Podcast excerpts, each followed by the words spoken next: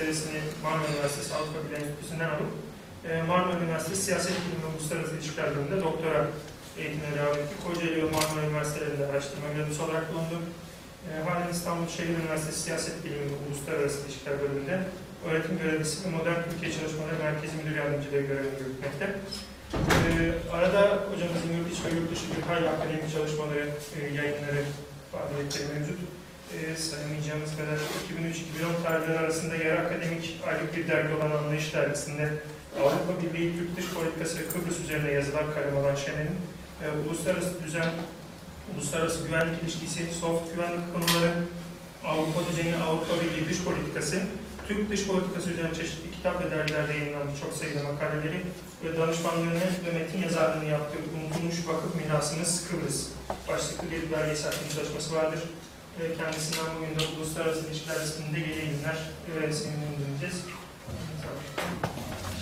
Bugün aslında bu uluslararası ilişkiler kısmında yeni eğilimler eee bizim siyaset, İstanbul Şehir Üniversitesi Siyaset Bilimi Uluslararası İlişkiler bölümünü kurarken 2007 yılında hazırlamış olduğum rapora raporu genişletilmiş, biraz da güncele eee özellikle tartışmalar boyutundayız. Bu günkü sunumun temeli aslında 2007'de hazırlamış olduğum Uluslararası İlişkiler bölümünü, bir Uluslararası İlişkiler bölümünü Türkiye'de dünyadaki gelişmelerin ışığında nasıl kurabiliriz? Bu tartışmaların ekseninde eee çıkarmış olduk. Bu şimdi sizin profilinizi tam olarak bilmediğim için uluslararası ilişkilerle ilgili, uluslararası ilişkilerle ilgili, uluslararası ilişkiler gelişmesiyle ilgili bir şeyle başlayacağım. Ee, uluslararası ilişkiler disiplini ne zaman başladı, nelere, nelere dikkat ettiler, kurumsallaşma ne zaman oldu ve asıl kısa bir, çok fazla bu kısma değinmeyeceğim. Türkiye'de durum ne, dünyada durum ne, Türkiye'de durum ne ve e, şimdiki tartışmalar nereye doğru akıyor ve önümüzdeki dönemde neler olacak, beşinci tartışma olacak, ne olmayacak.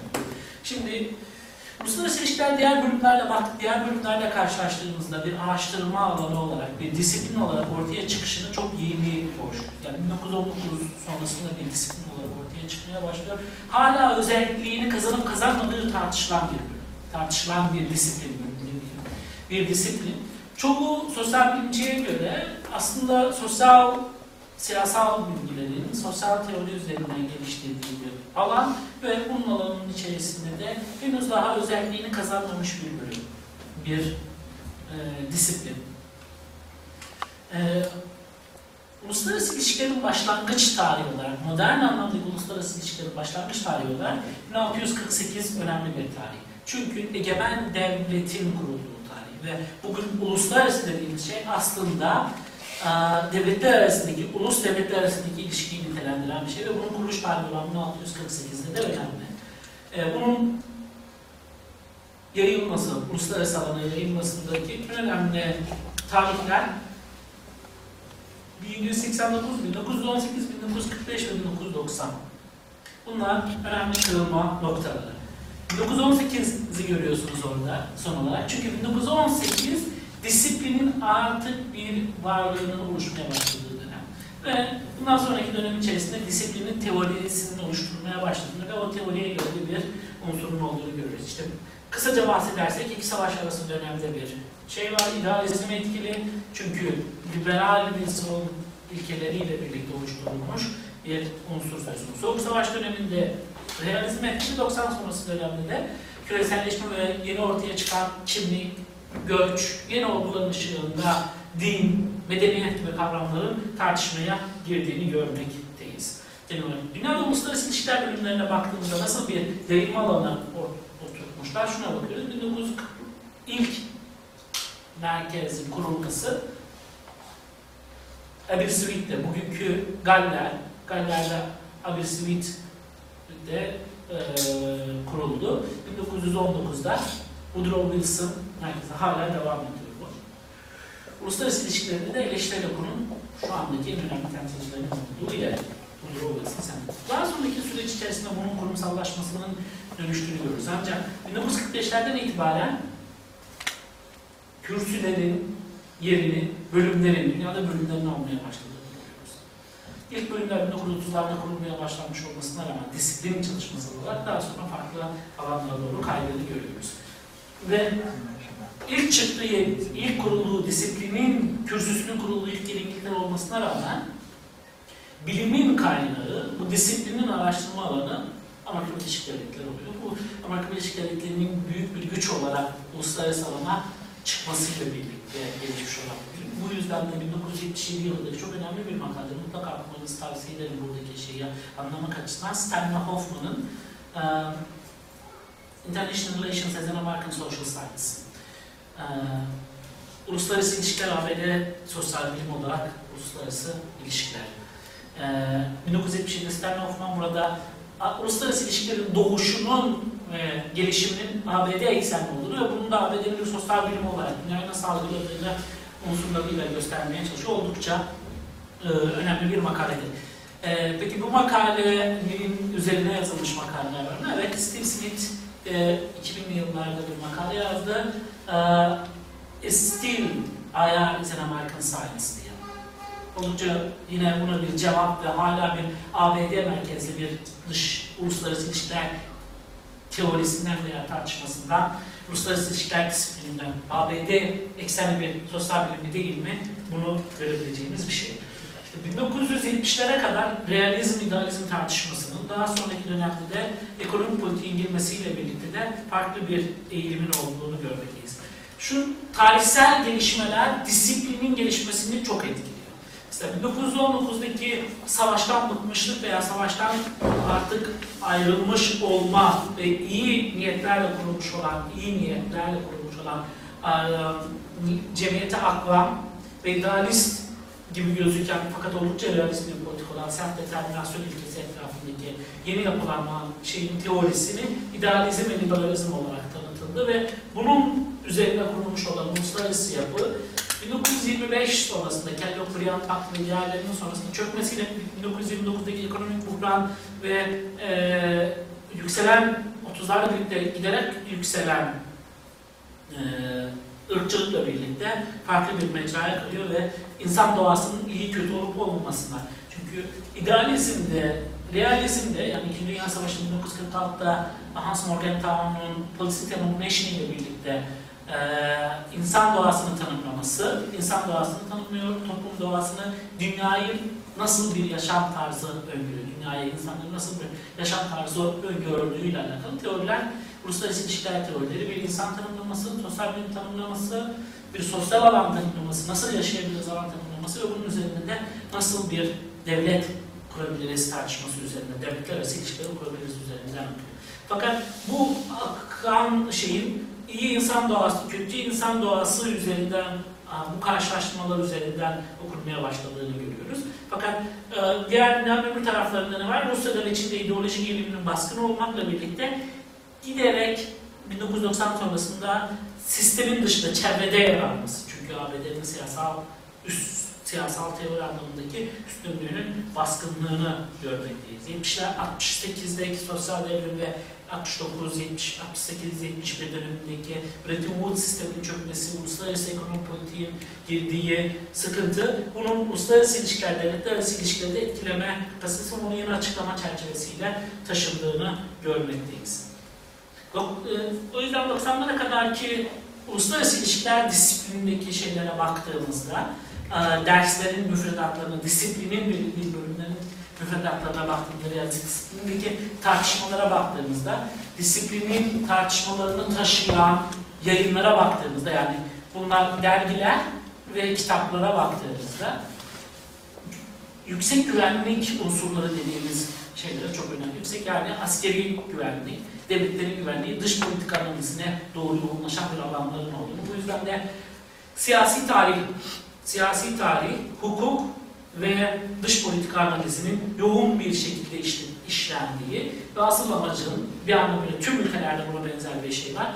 Devlet mekanizmasına memur yetiştirmek veya akademiye gitmek arasında think tankçilik, siyasal şeyler yapmak, piyasa merkezi diyebileceğimiz eğitim unsurlarını ortaya koymalarıyla birlikte. Ama özellikle 80'lerde 3. tartışmanın başlamasıyla birlikte gelişmiş bir e, disiplinde çeşitlenmeyi görüyoruz. İlk çeşitlenme 70'lerde başlanmakla birlikte uluslararası ekonomi politik bile güvenlik çerçevesinden ele alınmışlar. Bundan bağımsız alınmamıştı.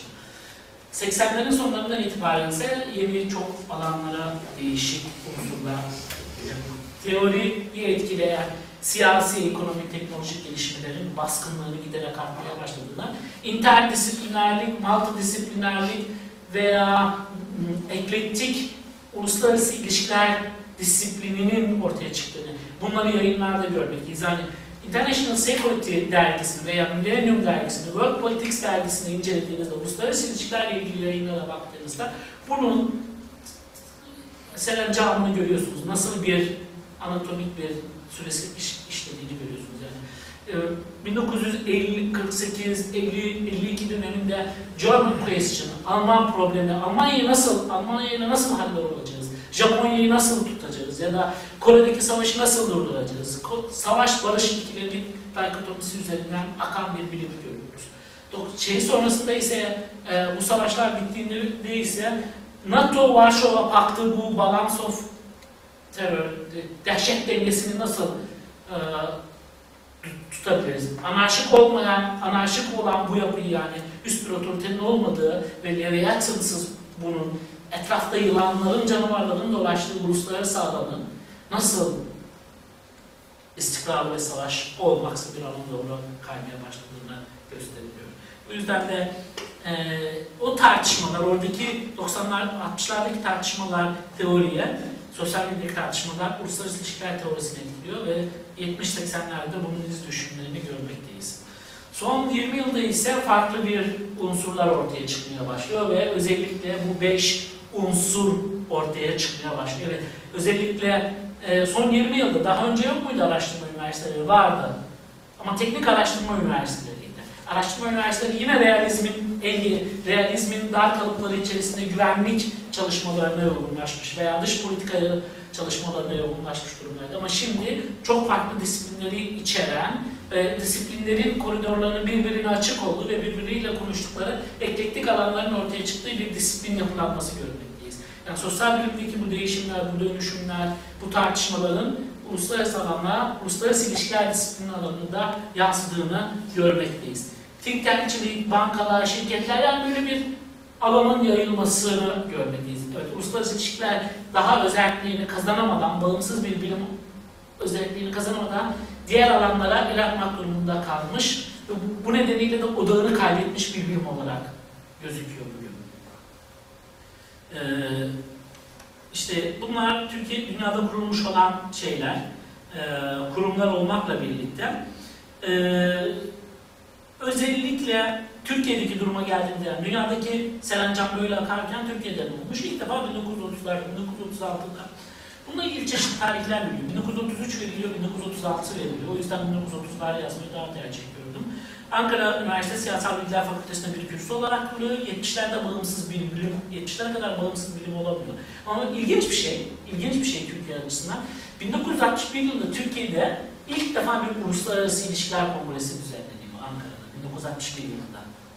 Ve 19, Türkiye'deki 1960'lı yıllardaki tartışmalara baktığımızda mesela Ankara siyasetinin netler arası yılları mutlaka eğer bu alandaki gelişimin Türkiye'de nasıl gelişiminin olduğunu görmek istiyorsanız netler arası yılları mutlaka bakmanız gerekiyor. Ankara Üniversitesi'nin yayınlarını. Orada dünyadaki tartışmaların Türkiye'de birebir aynı şekilde tartışıldığını görüyoruz. Türkiye'deki akademi tarafından oldukça yakından takip edildiğini görüyoruz. Ama ne olduysa 1970'lerde oluyor.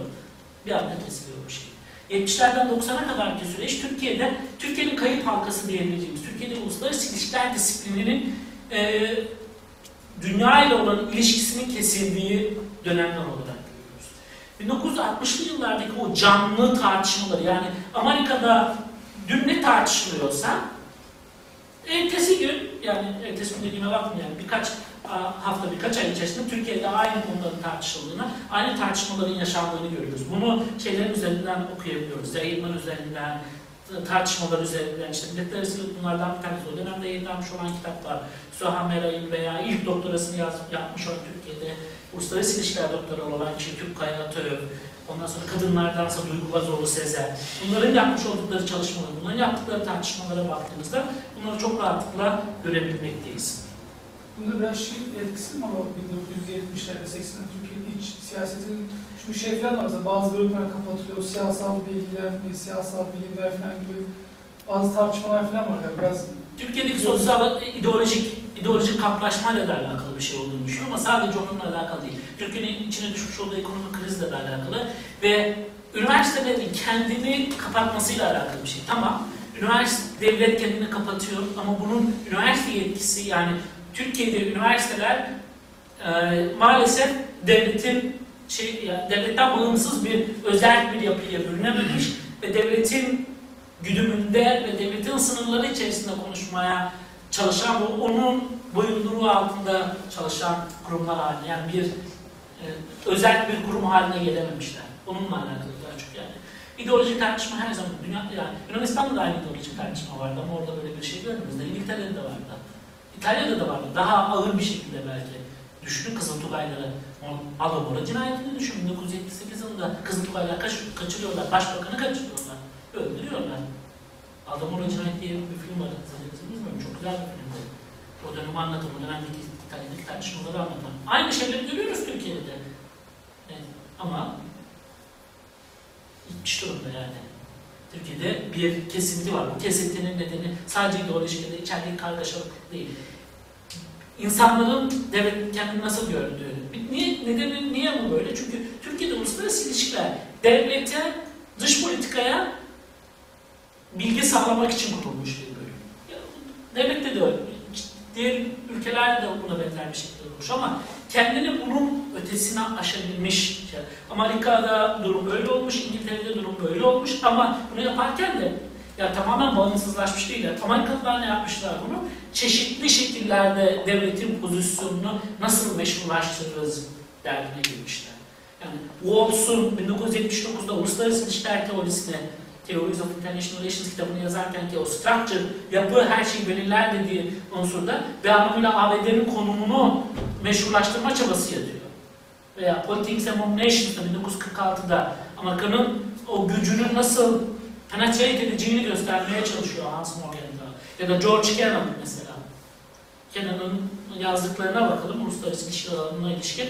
Amerika'nın pozisyonunu yani katkı çok önemli bir katkı, teorik bir katkı. Ama diğer taraftan da bunun bir taraftan şeyin disiplinin bağımsızlaşmasına, özelleşmesine yol açıyor. Diğer taraftan da devlete meşru alan açıyor. Sadece devleti tek bir kanalla beslemiyor. Devletten beslenmiyor, kendi de devleti besleyen hale geliyor.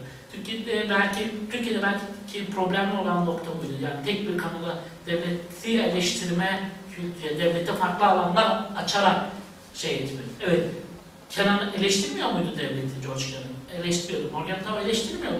Eleştiriyordu ama ona bir meşruiyet de sağlıyordu. Bu dikotominin içerisinde, eleştiri şeyin içerisinde bir yere koyması. Bugün Türkiye'de 70 tane, yaklaşık 70 tane uluslararası ilişkiler bölümü var. Yaklaşık yarısı doktora ünvanı olan 700 tane akademisyenimiz var. Eğer bu tartışmaları izlemek istiyorsanız Türkiye'deki bu tartışmaları size tavsiyem Uluslararası İlişkiler Dergisi var Türkiye'deki en iyi dergi şu anda. Ee, dünya, e, uluslararası alandaki uluslararası standartlara sahip tek dergimiz Uluslararası İlişkiler alanında. Bu dergiyi takip etmenizi öneriyorum. Hatta 2005 yılında Türkiye'deki uluslararası ilişkiler tartışmalarının gündeme taşıdıkları bir şey de var.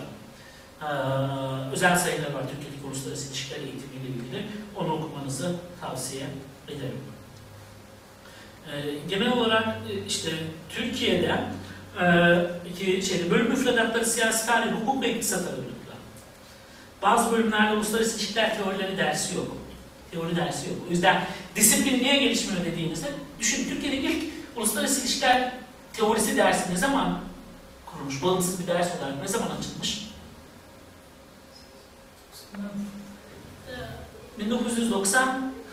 1996'da, 96-97'de yanlış hatırlamıyorsam. Mustafa Aydın, Amerika'da doktorasını yapıyor, özür dilerim, İngiltere'de Lancaster Üniversitesi'nde doktorasını yapıyor. Geliyor Türkiye'de, ilk, efendim, Mustafa Aydın Ko- bugün Kadir Üniversitesi'nin rektörü olan. Ee, bu tartışmaları bizim Bilim ve Sanat Vakfı'nda küresel, e, küresel araştırmalar merkezi altında küresel kuramsal bakışlar diye bir serimiz var. Onun içerisinde bu tartışmaları yürütüyoruz. Oradaki videoları izleyerek de videoları izleyerek yani Ken Booth'un, Michael Dillon'ın e, dünyadaki gelişmeleri anlattı. Nasıl tartıştıklarını, how to think global dediği şey. Veya şeyin Fuat Keyman'ın ve Mustafa Aydın'ın Türkiye'deki duruma ilişkin olarak yaptıkları sunumlar. Bugün onların önemli bazı kısımlarını da sizinle paylaşacağım Türkiye'deki şeyleri, yoğun unsurlarıyla ilgili olarak. Bu teori dersi 1996'da konuyor Ve Türkiye'de tartışmaların nasıl ortaya çıkmaya başladığını, bu tartışmaların nereye oturduğunu görmek açısından da önemli. Özellikle işte burada Türkiye'de ünlü açan şey 90'larda yurt dışına giden uluslararası ilişkiler üzerine çalışan akademisyenleri. akademisyenler. Fakat bunların dezavantajı dönüyorlar. Hepsi aynı şekilde verimli olmuyorlar döndüklerinde. Bunun çeşitli nedenleri var. Sadece aşırı dağılmışlık olmaları belki bölüm sayısındaki inanılmaz artış. Yani düşünün, üç tane, iki tane hocanın olduğu fakat hem birinci öğretime hem ikinci öğretime her bölüme 90 tane öğrencinin alındığı bölümler var Türkiye'de. Ne yapıyorlar? Ortaya karışık ekol dediğimiz şey. Evet, şu, bugünkü tablomuz yaklaşık bu arkadaşlar. Bunlar derken Türkiye'de uluslararası açıklayacak böyle. beraber. İşte 70 tane uluslararası ilişkiler programı var. Bunların 55 tanesinin ismi uluslararası ilişkiler. 11 tanesinin adı siyaset bilimde uluslararası ilişkiler. Üçünün adı küresel uluslararası ilişkiler. Dört, bir tanesi uluslararası ilişkiler vardı. E şimdi yaklaşık 5 tane daha geliyor, yeni bölüm daha geliyor. Bir uluslararası ilişkiler bölümünün, 4 yıllık bir uluslararası ilişkiler bölümünün hiç, yani zorun, hepsini zorunlu ders yapsanız, en az 9 öğretim üyesine ihtiyacı var. Seçmeli derslerle beraber yaptığınızda ise en az 13 öğretim üyesine ihtiyacı olmalı, olması lazım. 10 öğretim üyesi olması lazım ki dersleri döndürebilsin. Her öğretim üyesinde 2 ya da 3 tane ders, 2 ya da 3'ten fazla ders vermesi. Öğretim üyeleri var. Haftada 30 saat derse gidiyor. Ne bileyim onu. Adam makale yapmaya fırsatım var bilmiyorum. Ben iki tane ders veriyorum, zorlanıyorum. Volkan biliyor. Yani e, yaklaşık 15 bin tane lisans öğrencisi var şu an. Uluslararası İlişkiler bölümlerinde okuyan öğrenci sayısı. Bunlar nereden bulunur diyeceksiniz. Yaklaşık bu rakamlar. Ee, Yokun sayfasına girerseniz veya öğretim üyeleri hangi bölümün kaç tane öğre- öğrenci aldığını, hangi yılda öğrenci aldıklarını görebiliyorsunuz. Tahminli rakamlar. Bazen bunların rakamları ÖSYM tarafından paylaşılıyor. Onların üzerine yaptığım e, araştırmalardan bulduğum şeyler. Her sene 3600 yeni öğrenci geliyor. Bunu da her sene açılan şeylere göre revize ediyoruz. Gelecek dönem 5 tane daha şey gelecek. Ama bazıları 40 alıyor, bazıları 90 alıyor şey öğrenci. O yüzden sayı değişebilir. Geçen sene 2400 öğrenci mezun olmuş. Uluslararası İlişkiler bölümlerinden. Ee, yaklaşık 4000 tane lisansüstü öğrenci var, 300 tane doktora yapan var. Yaklaşık rakamlar bunlar tabii. Bunlar değişebilir de. Ama bunlar en az rakamlar. O yüzden ihtiyatlı davranın en az rakamlar. Genel itibariyle fazla bunların üzerinde durmayacağım. Ekollerimiz, Türkiye'deki ekollerimiz dört tane ekol var. Biri SBF ekolü. Artık SBF ekolü de değişti ama SBF'nin kendi değişti ama SBF ekolünü izleyen şeyler değişmedi. Üniversiteler değişmedi. Ders yoğun, notların dikte edildiği, asıl amacın kamu personeli yetiştirme olduğu ve ezbere dayalı dediğimiz eğitim. Ee, ODTÜ ekolü dediğim az ders, çok okuma. O yüzden daha çok 5 tane ders alıyorlar, en fazla 6 tane. Buna karşılık da çok yoğun okuma ve assignment paper'lar yazma. Ee, e, Hangi şey üniversiteler? Hangi üniversiteler var hocam? Ee, içerisinde mi? Sabancı var. Yani ODTÜ var bunlardan bir tanesi. Bilkent var, Sabancı, e, Sabancı var, Koç var. Şeyde sayabilir miyiz? Kaybederse sarılacağım. İllallah demiş durumdalar çünkü assignment'larla. Boğaziçi var. Ee, Galatasaray kısmen var. Tamamen diyemem.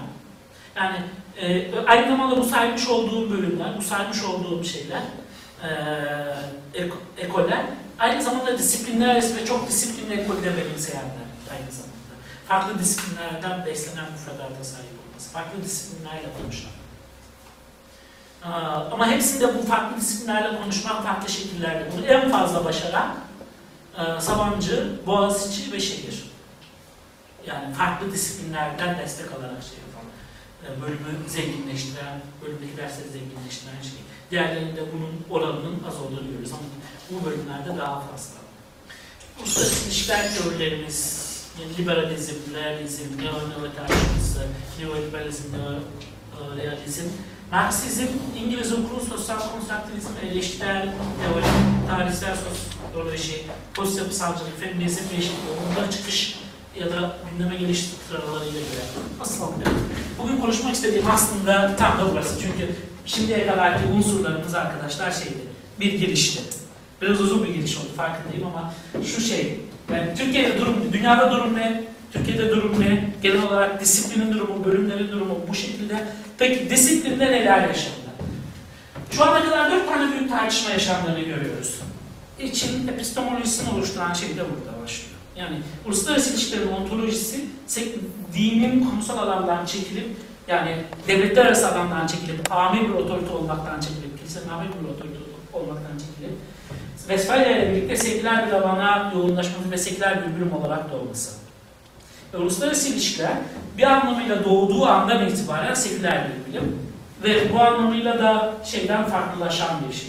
Yani amir otoriteyi reddeden bir alanın içerisinden doğan bir şey. Ve e, tartışmayı başlatan unsursa, tartışmayı başlatansa 1919'da. Disiplin çok yeni bir disiplin. Daha özel din özgürlüğünü ve kurumlarını, sorularını, temel sorularını, savaş, barışla ilgili temel sorularına daha tam cevap veremeden odanı kaybetmiş bir bölüm. Odanı ba- kaybetmiş bir disiplin. İlk tartışma liberalizm, realizm tartışması özellikle 1920'ler, 30'lar, 40'larda yaşanan an bir şey, tartışma. Liberali, liberalizmle e, realizm tartışmasını, liberalizm tartışması, liberalizm başlıyor 1919'larla fakat Hobson'la falan gelişiyor. Richard Hobson ve 1939 yılında realist tartışmayı başlatan 20 Years Crisis Edward Everett Cullen kitabı. Okumanızı tavsiye ederim. Güzel bir kitaptır. Cullen kitabı. Ve burada Cullen bir liberal, liberalizmi ve bu idealist açıklamaları eleştiren bir şey. Bu aslında birinci tartışmanın uluslararası ilişkilerde başladığını gösteren, anlatan bir şey. Daha sonra bunun yoğunlaşmaya başladığını ve artık epistemolojik bir tartışma olarak ortaya çıkıyor. Ontolojisinde yani insanın doğasında, uluslararası ilişkiler disiplinde insanın doğasında ontolojik olarak yaklaşan bir şey. İdealizmde, rea- e, realizmde, idealizm, liberalizm, realizm tartışmasında ilk yaptıkları şey insan doğasını tanımlamalı. İnsan doğasını iyi tanımlayanlarla kötü tanımlayanlar arasındaki bir tartışma bu. Ve bunu uluslararası alana taşıdıkları ve nasıl savaşı ve barışı nasıl yönettikleriyle alakalı bir şey. İkinci tartışma, birincisi epistemolojik fakat ontolojisi üzerine. Fakat ontolojinin kökenlerini değil, doğasına dair, yani insanın doğasına dair, iyi yaşamın tarzına, sundukları yaşam tarzına dair bir tartışma. Çoğu idealizmi ve bugünkü liberalizmi domestik analoji olarak, yani iç, sen iç alana, uluslararası alana değil, ulusal alana ait bir teori olarak kabul eder. Özellikle realistlerin. Bu ulusal alandaki değişmeler ancak uluslararası alana değiştirir. Çünkü liberalizm ne diyor? Devletler liberal olursa savaşmazlar. Savaş olmayınca da tartışma şey olmaz. Ee, savaş olmayınca da e, unsur, yani uluslararası ilişkiler yönetilebilir hale gelir. Yani burada ne diyor? Demokrasiler birbirleriyle çatışmaz dediği demokratik barış teorisinin karşılıklı bağımlılık, interdependence, karşılıklı bağımlılık işte uluslararası ilişkilerin temelinde yatan bir şey var, algılama var. Ne diyor?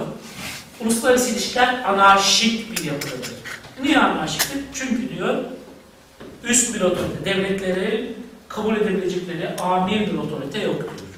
Amir bir otorite olmadığına göre o zaman bu durum anarşiktir diye bir şeyi verili olarak doğası gereği kabul. Bu işin doğası böyledir. Yani devleti verili kabul ediyor, devletlerin oluşturduğu sistemi de tartışmaya açmaksızın verili kabul ediyor. Ulus anarşik durum verili kabul yani onu tartışmaya açmıyorsunuz. Yani Tanrı'nın varlığını tartışmaya açmamak gibi bir şey bu. Aynı, aynı. Ne liberalizm ne realizm o yüzden ontolojik bir tartışma yürütmüyorlar. Epistemolojik tartışma fakat ontolojideki insan doğası üzerine bir tartışma. İnsanı nasıl tanımladığıyla ilgili bir tartışma yürütüyorlar. Metodolojik tartışma, ikinci tartışma 1960'larda başlıyor. Genel, geleneksel ve davranışsalcılık. Traditionalist and behavioralist tartışma dediğimiz. Gelenekselcilik davranışsalcılık tartışmasında ise gelenekselciler tarih, siyaset felsefesi ve bunun yoğunlaşması üzerinden, bunun alanın üzerinden ortaya çıkmasını istiyor. Buradaki gelenekselci tartışmayı başlatanlar Hedlo bu, İngiliz hukukunun bir temsilcisi. Liberal realist diye bilinirler ya da uluslararası toplum olarak bilinirler. Diğeri ise davranışsalcılıklarsa işte Amerika sosyal bilimidir. Amerika'daki sosyal bilim davranışsalcıya göre ve kuantitatif metodolojiye, niteliksel metodolojiye yoğunlaşmak, sayıların üzerinden yoğunlaşmak. Kaç tane şeyin var? Savaş şeyin var, ee, savaş aracım var. Kaç tane nükleer bombam var? Onlara göre şey çiziyorlar. Teoriler çiziyorlar. Yani e, kaç tane nükleer bomba var, kaç tane askerim var ve bütün algılamaların üzerinden güvenlik algılamasının çok ya da azalacağının üzerine yani işi sayılara dökerek bilimsel kabul edilebilir, ölçülebilir sınırlar içerisinde tutmaya çalışma tartışması. Üçüncü tartışma neo-neo tartışması, neoliberalizm, neorealizm tartışması. Aslında bu tartışmayı çoğu uluslararası ilişkiler düşünürü tartışma dahi kabul etmez. Nedeni ise interparadigmatik, paradigma içi bir tartışma olarak gördükleri için, interparadigm debate olarak gördükleri için. Ama artık neredeyse genel geçer olarak son 10 yıl içerisinde bu evet üçüncü tartışma diyebiliriz. Great debate, üçüncü büyük tartışma diyebiliriz gibi bir algı var. O yüzden özellikle koyduk. Üçüncü tartışma var evet. Üçüncü tartışmada neo neo debate dediğimiz neo neo realizm, neo realizm ve neoliberalizm yani e, neorealizm dediğimiz Waltz, Waltz'ın 1979 yılında yazmış olduğu kitap, 1979'da Uluslararası İlişkilerin Teorisi kitabı. Diğeri ise neoliberalizm ise Keohane ve Nay'ın 1974'te kaleme aldıkları interdependence e, çalışması. Bunlar üzerinden akan bir tartışma. E, asıl dördüncü tartışma ise bunu çoğu kişi üçüncü tartışma diye görebilirsiniz bazı kitaplarda. Üçüncü tartışma diye de geçiyor. Ama giderek oturmaya başlayan bir şey dördüncü tartışma olduğu üzerine. Uluslararası ilişkilerin epistemolojisi üzerine gerçekten de belki de uluslararası ilişkiler için büyük tartışma diyebileceğimiz gerçek tartışma burada var. Şey şu, 1980'li yıllara geldiklerinde ya siz bunun tartışmasını yapıyorsunuz da uluslararası ilişkiler aslında sizin tartıştığınız gibi bir unsur değil. Yani siz sadece devletlere bakıyorsunuz ama devlet Uluslararası alan sadece devletlerden oluşmuyor ki. Sivil toplum örgütleri var. Toplum dışı örgütler var. Yani devlet dışı örgütler var. Terörist organizasyonlar var. Sosyal güçler var.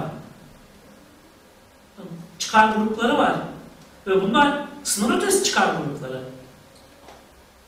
Ve başkasına hizmet eden gruplar var. Başka devletlerin içerisinde başkaları için çalışan gruplar da var. Diasporaların grupları var. Ne yapacağız bu durumda? Sosyal güçlerin harekete geçiren sosyal güçleri, materyal kapasitelerini, materyal kapasiteleri, fikirler var diyor mesela. Ya da insan hakları gibi fikirler var. Gidip her tarafa yayılıyor. Demokrasi gibi fikirler sınır tanımıyor. Ya da çevre sorunları var. Biz bunlarla nasıl hallolacağız diyor. Çünkü düşünün 1968'e kadar çok dikkat alınan bir şey değil çevre problemleri ama e, Hindistan'daki patlamayla birlikte bütün etrafa yayılan şeyler veya şeyler e, Çernobil 1986'daki Çernobil patlamasıyla birlikte o yayılan o radyoaktif elementler insanlara düşünmeye, bizim doğayla ilişkimiz nasıl olacak? Varlıkla ilişkimiz nasıl olacak? Ne yapıyor bunlar? Epistemolojik tartışmayı yürütürken pozitivistler pozitif, tarihi duran değil, ilerlemeci değil, cycling bir şekilde daha dinamik ve sosyal güçlerin, diğer faaliyetlerin, fikirlerin, ideal fikir ve e, hareketlerin, sosyal hareketlerin, sosyal güçlerin daha ön plana çıktığı ve onların şekillendirdiği bir unsur haline dönüştüğünü e, söyledikleri bir şey var, tartışma söz konusu. Fakat bunlar ortaya çıktıklarında söyledikleri şey şu, aydınlanmayı yeniden düşünelim. Dönelim aydınlanmaya, yani Kant'ı yeniden okuyalım. Dördüncü tartışma, aydınlanmaya geri dönüştür. Birinci tartışma aydınlanma üzerinden çıkmıştı. Aydınlanmanın çocuğuydu, modernitenin çocuğuydu. 70'li yıllardaki düşün, uluslararası alandaki tartışmaları, sosyal bilimdeki tartışmaları, uluslararası ilişkiler disiplindeki her türlü tartışmayı önce bunun background'unu anlamak istiyorsak sosyal bilimlerde ne tartışma yapılıyor ona bakmak lazım. 5 yıl öncesinde ne tartışma yapılıyor? Görüyoruz 1970'lerde 60'ların sonu 70'lerle beraber Foucault'cu bir tartışma, Foucault'un başlattığı tartışma önemli bir derecede etkiliyor. Derrida'nın başlatmış olduğu tartışma önemli bir şekilde etkiliyor. Mark Horkheimer'ın 1921'de Frankfurt okuluyla birlikte çıkartmış olduğu. Çünkü dördüncü tartışmanın temeli Frankfurt okuluna dayanır. Yani bu Marksizm ve neo-Marksistlerin Gramsci'nin ortaya çıkartmış olduğu tartışma, sosyal bilimlerdeki tartışma, uluslararası alana 1980'li yıllarda Cox'la beraber taşıyor. Gramsci bir şekilde taşıyor ama asıl taşıyan ve bunu teorize eden Ashley, Richard Ashley, Andrew Linklater ve Robert Cox. Ve bunun üzerine bir tartışmanın yoğunlaştığı ve tartışmaların tartışmaları derinleştirdiler. Şimdi beşinci bir tartışmaya gelebiliriz. Beşinci tartışma olur mu tartışması var. Çünkü artık post pozitivist de bir şey söylemiyor. Kant'a gitmek bize sorunu, bizim sorunumuzu çözmüyor. Şu anda nerede uluslararası ilişkiler? İşte beşinci tartışma dedim. Beşinci tartışma mümkün mü? Yeni dönem var mı? Bu dönemde ne şey diyoruz? Şu an son 10 yılda uluslararası ilişkiler, özellikle son 10 yılda, son 2001 sonrası dönemde de bu giderek artmaya başladı. 90'lı yıllarda bunun nüveleri vardı. Fakat tartışmanın yoğunlaşması veya tartışmanın e, olgunlaştığı dönem 2000 sonrası dönem olarak görüyoruz. İşte dört tane eğilim var arkadaşlar. Bir tanesi küresel siyaset teorisi veya dünya siyaseti teorisi olması. Is there any international theory? Diye bir makale var. Ee, Smith. Adını, soyadını hatırlıyorum ama adını hatırlayamadım. Ee, is there an international theory? O da Martin, White'in kitabı var İngiliz okulunda. Bunların Adam Smith, Adam Watson, Adam Smith, e, tartışmaya yürüdüğü uluslararası ilişkiler teorisi var mı? Bir uluslararası teoriden bahsedebilir miyim? Uluslararası ilişkiler demiyorum. Uluslararası teori. Global anlamda, küresel anlamda bir teori geliştirebilir miyiz? Ama bunları geliştirirken de yaptıkları şey, buradaki en önemli, özellikle batı, batıdaki en önemli eksiklik şu, Theory of World Security var. Ken Wood tarafından yazıldı. World Security. Türkçe'ye de çevrildi. Çağdaş Güngör çevirdi. Küre yayınlarından çıktı. Ee, küresel siyaset teorisini tartışıyor burada. Küresel siyaset teorisini dünya üzerinden nasıl kurgulayabiliriz? Bir dünya teorisinden bahsedebilir miyiz? Bir uluslararası alandan bahsedip onun teorisini yapabilir miyiz? Bunda niye bu uluslararası küresel siyaset teorisi gündeme geldi? Global governance diye bir şey tartışıyor değil mi sosyalciler şu anda, sosyal bilimciler? Yani 90'larda tartışmaya başlamışlardı bunun alanı uluslararası ilişkilere. Yani bu dalga e, uluslararası ilişkiler kıyılarına 2000'li yılların başında ulaştı. Global governance, küreselleşmeyle birlikte ortaya çıkan bir kavram. Ve küreselleşmenin getirmiş olduğu dinamizm, sosyal bilim dinamizm tartışmasının bu geldiği nokta küresel siyaset ve uluslararası ilişkiler disiplini açısından. O yüzden sosyal, küresel anlamda sosyal bilimler küreseli düşünmeye başladıkça ve küreselleşmeyle ekonomik ve sosyal anlamdaki bu tartışmalar uluslararası disiplinle, uluslararası ilişkiler disiplinine acaba biz küreseli nasıl tartışabiliriz? Mesela düşünün, bugün neden bahsediyoruz artık? İnsan haklarının bütün evrenselleşmesinden bahsediyoruz. Ve bu taraftaki bir unsurun, insan haklarının dünyanın öbür ucundaki insan haklarında insanı da etkileyeceğinden bahsediyoruz ve küresel bir bilinç artışından increasing awareness of the human consciousness dediğimiz insan bilincinin adalet, güvenlik, küresel bilincin, küresel adalet bilincinin, küresel bilincin giderek yoğunlaştığını ve artmaya başladığını, bilincin bir idrake doğru yönelmeye başladığını görüyoruz. Ee, bu küresel siyaset teorisinin tartışması, daha örnekler açabiliriz bunu isterseniz çeşitli çalışmalarda. Çevreden yükselen bir uluslararası ilişkiler. Çevre diyorum çünkü uluslararası ilişkiler hala bir batı. Batıda da Amerikan ve İngiliz var. Hala ana merkez orası. Periferide yer alan ülkeler var. Türkiye daha semi periferide bile değil, periferide yer alan bir ülke. ama giderek periferiye doğru ilerleyen ve periferiden merkeze doğru yürümeye başlayan aa, tartışmalar. Özellikle bu ekonomik ve sosyal anlamda dinamik olan merkezlerden yürüyor bu tartışma. Çin, Hindistan, Latin Amerika ve İslam dünyası da bu tür tartışmaların kontribüs, e, bu tartışmaların yürütüldüğünü ve katkı sağlandığını görmekteyiz. Çin uluslararası ilişkileri diye bir şey olmaya başladı. Russian ayar, Russian ayar diye bir makale var. China aynı ayar diye. Şimdi Türkiye'nin ayar diye bir makale, bir çalışmaları da görmeye başlıyoruz. Şimdi Çin, Hindistan, Latin Amerika, Latin Amerika'daki en önemli eksiklik, e, en önemli şey şu, daha eleştirel, critical realizm yapıyorlar şimdi mesela. Oscar, Oscar'ın? Latin Amerika, Arjantin'in bir uluslararası ilişkiler e, şeyi, çalışanı, uluslararası ilişkiler profesörü. Realizme, sosyal, kritik anlamda yani Marksist gelenekle critical teoriyi realizme uygulayan bir uluslararası ilişkiler anlayışının Arjantin ve Brezilya'dan ortaya çıkmaya başladığını biliyoruz. Bu aynı zamanda bu ülkelerin uluslararası alana yürüyüşlerini de gösteren bir şey. Düşünün. Şimdi ideolojik bir önceki ama nasıl ideoloji derken daha Marksist teoloji Hala Marksist öyle. Yani Çinli, geçen sene Çin ziyaretinde e, Çin'i ziyaret etmiştik. E, Pekin Üniversitesi'ne gittik. Pekin Siyaset Bilimi ve Hukuk, Hukuk Üniversitesi'ne. Çi- Xinjiang Üniversitesi, Örmeni Üniversitesi ve e, Şangay Fudan Üniversitesi'ne, Urumçi'de de Sincan Devlet Üniversitesi'ne gittik. Orada uluslararası ilişkiler bölümleriyle veya şey, ve çeşitli kişilerle bu tartışmaların yani Çin'le uluslararası ilişkiler nasıl tartışılıyor diye konuşmuştuk. Diğeri de e, e, İngiliz okulunun bir projesi var. İngiliz okulu e, 1960'larda ortaya, 1959 Aralık aslında bugün 20'si mi?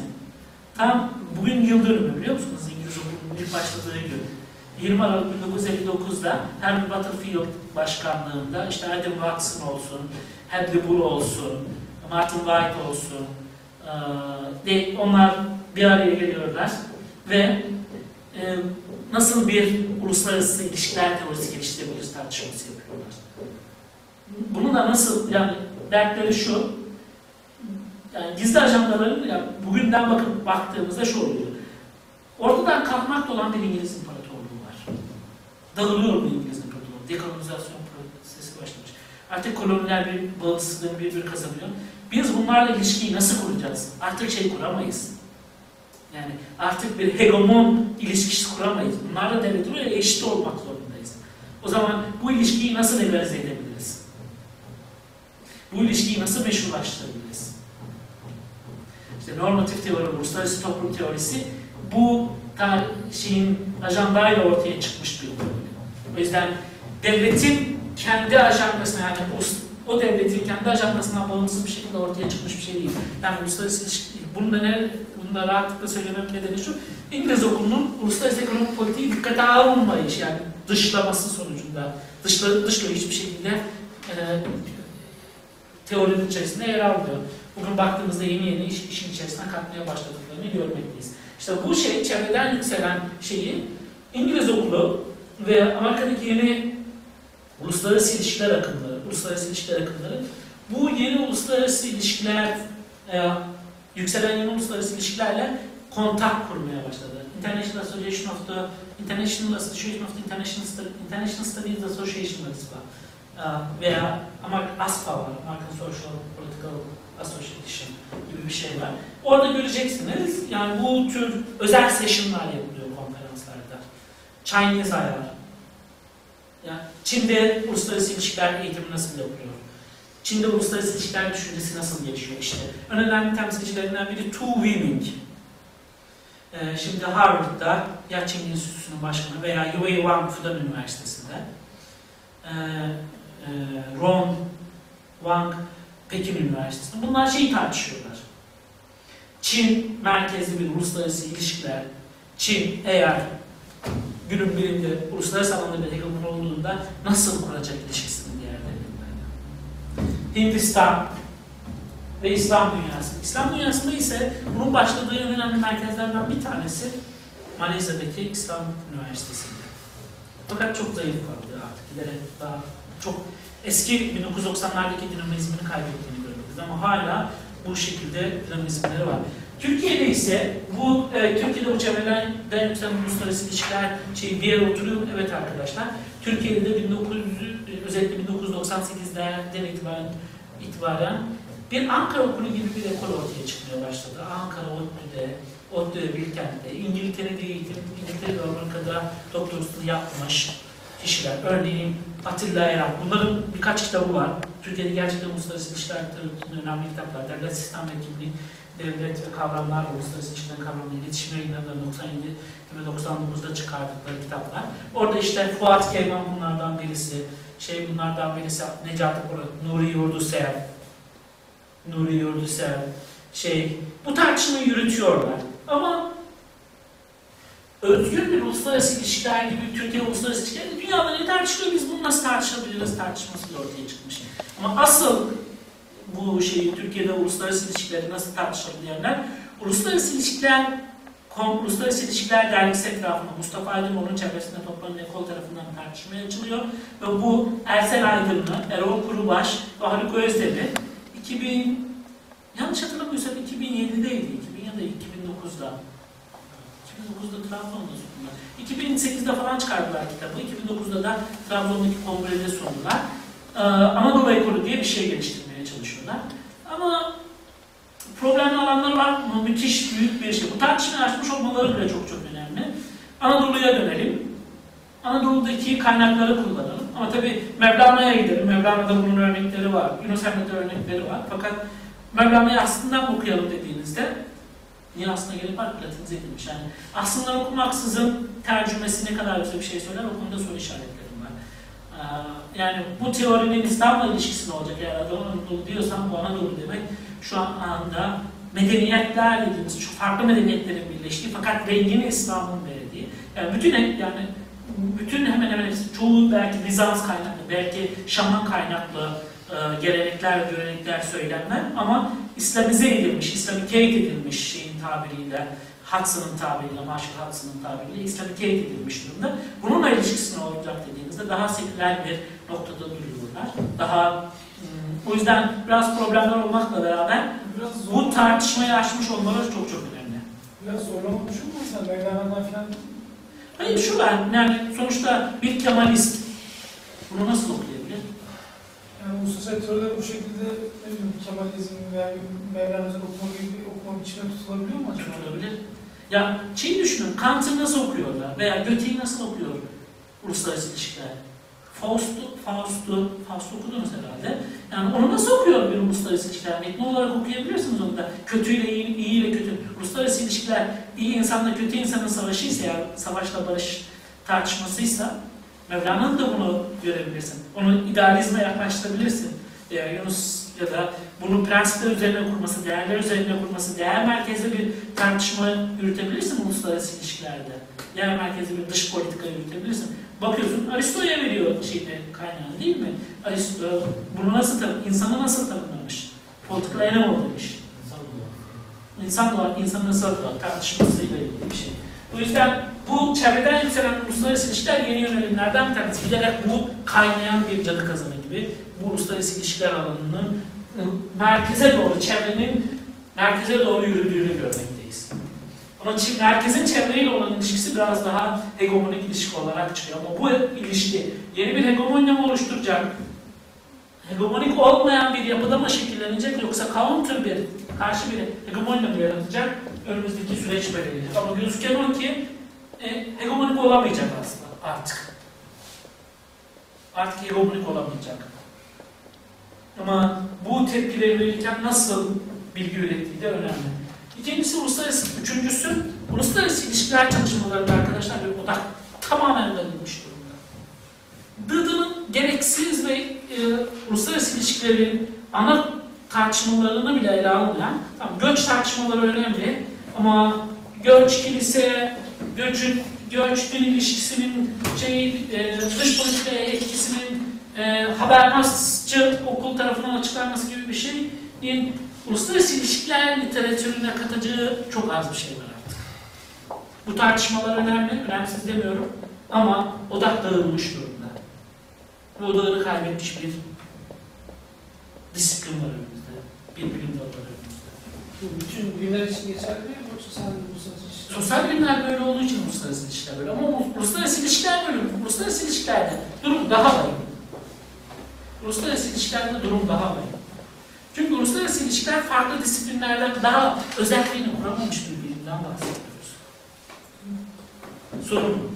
Diğeri ise asıl şu anda klasiği yeniden nasıl düşünebiliriz? Uluslararası ilişkilerin klasiklerini okuyalım ve bunu nasıl yeniden düşünelim diye bir koymak. Belki buradan bir şey çıkar. Ama burada da problem var. Eğer klasiği yeniden düşünmek dediğinizde Kant'ta tıkalıp kalırsanız, yani aydınlanmanın ötesine geçmeyen, Kant'ın ötesine geçmeyen bir şey, e, klasiği yeniden düşünmek şey etmeyecek. O yüzden şu an böyle bir hesap, bunu Campbell'ın konuşmasında olan bir şey. Campbell'ın vakıfta yapmış olduğu konuşmadan aldığı çok beğendiği bir şey olduğu için kapitalizm, milliyetçilik, ırkçılık ve çevre sorunlarıyla beraber küresel anlamda bir büyük hesaplaşma döneminden geçiyoruz.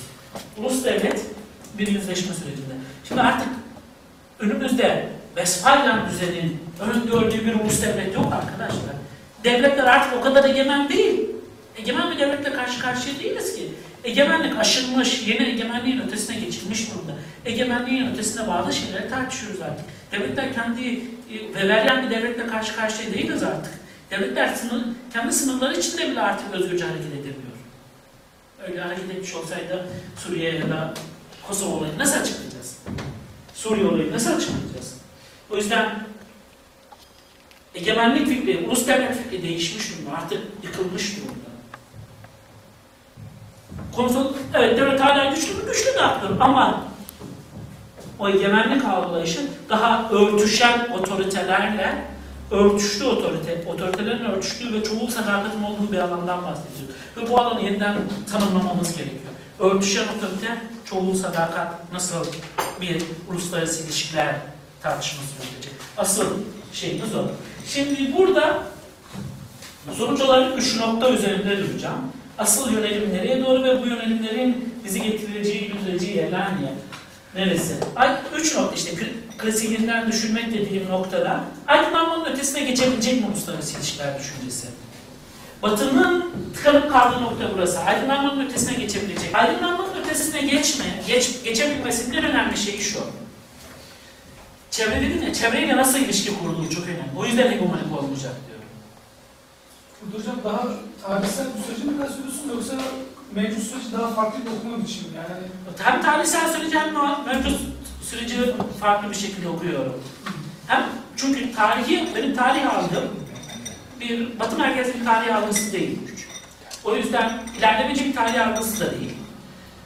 Ee, güç kaymalarının eğer uluslararası ilişkiler teorisini bir güç teorisi olarak alırsak, gücü ele alan, savaş, barış ve gücü ele alan bir teori olarak güç tarihsel anlamda belirli alanlara ya da bilgi tarihsel anlamda belirli alanlara kaymış, belirli coğrafyalara kaymış ve o coğrafyaların da 1-200 yıl geçirdikten sonra farklı dünyanın farklı coğrafyalarına yayılmış durumda. Bugün de bu tür süreçlere şey yapıyoruz. Artık mesela 20 yıl öncesine baktığımda dünyanın en güzel şehirleri, dünyanın en güzel şeyleri, e, havaalanları, metroları Avrupa'daydı. Amerika'daydı. Ama bugün Londra metrosuna gittiğinizde iğreniyorsunuz içeri girmeye, kokudan veya şeyden, eskiliğinden. Ve şey değil yani artık bir ne var? Dünyanın en güzel şehirleri veya en modern şehirlerimiz, en e, daha estetik veya çünkü bir yeri incelerken önce sanatına bakıyoruz. Sanattaki, eğer sanatta, sanat toplumun 30 yıl öncesinden gider, 20-30 yıl öncesinden gider. Sanattaki tartışma daha sonra bunu sosyal bilimlere yansıdı. Sosyal bilimlerdeki tartışmalarda ekonomiye ve pratik hayata, uluslararası ilişkilerde bunlardan etkilenip 3-5 yıl öncesinden gitmeye çalışır. Ama hukuk en arkadan gelir nedense. Bu hukuk felsefesiyle alakalı bir şey belki de. Olanı tartışıp onun üzerinden düzenleme yoluna gitmek belki de. İşte burada aydınlanmanın ötesine geçebilmesi için çevreyle iletişime geçmesi gerekiyor Batı'nın. Burada da bakın modernitenin bireyi insan değil. Birey farklı bir şey, insan farklı bir şey. modernitenin bireyiyle yüzleşmeksizin, yani aydınlanma, kendi bireyiyle, kendi yarattığı bireyle yüzleşmeksizin, o iyi kötü bireyiyle yüzleşmeksizin yeni bir uluslararası ilişkiler teorisi üretemez. Üretemeyecekler. Bugün geldikleri, içine düştükleri krizde bu. O yüzden Çin uluslararası ilişkilerine, Türk uluslararası ilişkilerine, e, İslam dünyası uluslararası ilişkilerine, e, Latin Amerika uluslararası ilişkilerine daha çok değer vermeye, daha çok yer alan açmaya çalışıyorlar. Ve bireyle yüzleştikten sonra, bireyle yüzleşecek uluslararası ilişkiler teori tanımladığı biz modernitenin çocuklarıyız hepimiz. Dünyanın her tarafına yayılacak. Expansion of the internet, expansion of the international society, relation of the, the European system. Ve her tarafa yayıldı bu. Bu her tarafa yayıldı. Hepimiz bir anlamıyla batıcıyız. Hepimiz bir anlamıyla moderniz. Verdiğimiz tepkiler modern tepkiler. Verdiğimiz tepkilerin içerisinde modern tepkiler. Bundan kaçamayız. Böyle eğitim aldık, böyle bir dünyada büyüdük. Fakat bununla yüzleşebiliriz. Bununla yüzleşebiliriz ve insanı yeniden tanımlayabiliriz. İnsanı yeniden tanımlamak ve o tanımladığımız insan, insanı, insanın doğasını ve tanımladığımız bu insan doğası yani siyah veya beyaz değil, daha aradaki renklerin farklılığını da içine katan bir şekilde insanın tanımlanması, insan birikiminin nasıl tanımlandığı, gelenek dediğin şeyin nereden başlandığı, geleneği, mesela ismi Müslüman olarak geleneği 1400 şeyde başlatıyorsan, 610'da peygambere Müslümanlığın, İslam'ın tebliğiyle başlatıyorsan bir şey çıkmalı. Bu İslam'ın söylediği bir şey olmaz. İslam'ın geleneği Hz. Adem'le başlıyor. Hz. Adem'den bugüne kadar tüm gelenek süreçlerini yapılan bütün insani birikimi, insan birikimini içine alıyor ve bunları zaman zaman İslamike ediyor. Mesela tahtaya vurmak, Orta Asya'dan taşıdığımız bir şey. Şeytan ağacın bediği bir unsur olarak toplumda yer alması ve önceden kötü ruhları kovmak için kullandığımız şimdi kendi gözleri şey. Yani önceden aslında bakarsanız bir anlamıyla da şirk koşmak gibi bir şey değil mi? Öyle anlama gelebiliyor bazıları açısından yorumlarsa. Ama bunu biz ne yapmışlar? Ya Ahmet Yesevi veya diğer alimler yoluyla İslam'ı teyit etmişler. Şeytanlarla, şeytan kulağına kötü gözler bizden uzak olsun. Nazara dökmüşler. Ve bunu İslam'ı teyit etmişler. İnsanı yeniden şekillendirmişler. Eski gelenek insanını, Orta Asya'dan geldi, getirdiği insanı İr- İran'da, Anadolu'da, Arap coğrafyasında, Bağdat'ta yeniden şekillendiriyor, yeniden tanımlıyor. Eğer Türk kültürünü diyorsanız veya Türk Müslüman kültürünü yeniden tanımlıyor. Yeniden farklı bir alan içerisinde insanı yeniden inşa ediyor. Bunu içselleştirici bir mekanizma içerisinde yapıyor. Bunu yani İslam dünyasının şeyine baktığımızda mesela Mecusilerle karşılaştığında biz bunlarla nasıl yaşayacağız diyor. Kesebilirdi hepsini değil mi? Ya da köleleştirebilirdi de. Ama özgür bırakıp beraber yaşama yolunu seçiyor. İşte o birlikte yaşama alanı, yeni hayatın yaşam tarzını nasıl da insanın biz bireyliğimizle, modernitenin bireyiyle yüzleşmeden insanımızı, insan kimliğimizi tanımlayamayacağız. Çünkü modernitenin bireyi ideolojik bir bireydir. Aynı zamanda. Yani bu insani boyutu, bu bireyimizle yüzleşip insani boyutumuzu, yani dini kimliğimizin önünde insan olduğumuzu, insan olmanın ötesinde insanlıktan sonra, insan olduktan sonra kadın, erkek, Müslüman, Hristiyan, Yahudi haline dönüştüğümüzü, bu yapılanmanın yani insan olma, insanı kurma, insanı yeniden tanımlama, insan doğasını yeniden tanımlama yapılmadığı sürece yine hayat tarzını diğerleriyle nasıl birlikte yaşayacağımızı, yani toplumsal değerleri neyin üzerine kurgulayacağımızı belir, belirleyemiyoruz. Bu belirlediğimiz yeni hayat tarzı, yeni yaşam tarzının yeniden tanımlanması aydınlanmanın ötesine geçmesi gerekiyor.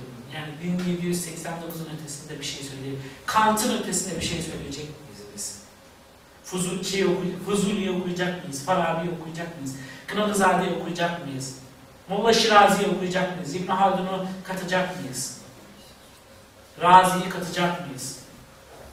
İşte bu anlamda da batı dışı alanlarla ilişki bu anlamda hayati unsur. İşte burada da en hayati şey, bütün bunları kurarken küresel anlamda bir küresel anlamda bir şey kurmak insanı tanımlamadığınız zaman, insanı dünyayla mı ilgili tanımlayacaksınız? Evrensellikle ilgili mi? Universality ile ilgili tanımlayacaksınız. Burada kurduğunuz bu insanlık tecrübesi dediğimiz şey, evrensellik içeren bir unsur olmadığı sürece uluslararası ilişkilerde yeni bir şey söylemek, yeni bir şey söylemek zor. Bunun nüveleri var mı? Evet var. Ama yani kaç yıl içerisinde bu olgunlaşır? Artık bilgi o kadar hızlı akıyor ki 10 yıl içerisinde de olgunlaşabilir, 50 yıl içinde de olgunlaşabilir. Ama en azından benim neslim, ben o yani e, 70'lerde de, 70'lerin sonunda doğru, benim neslim bunu çok yapabilecek durumda değil artık. O yüzden daha çok, belki sizin daha çok başarabileceğiniz şey.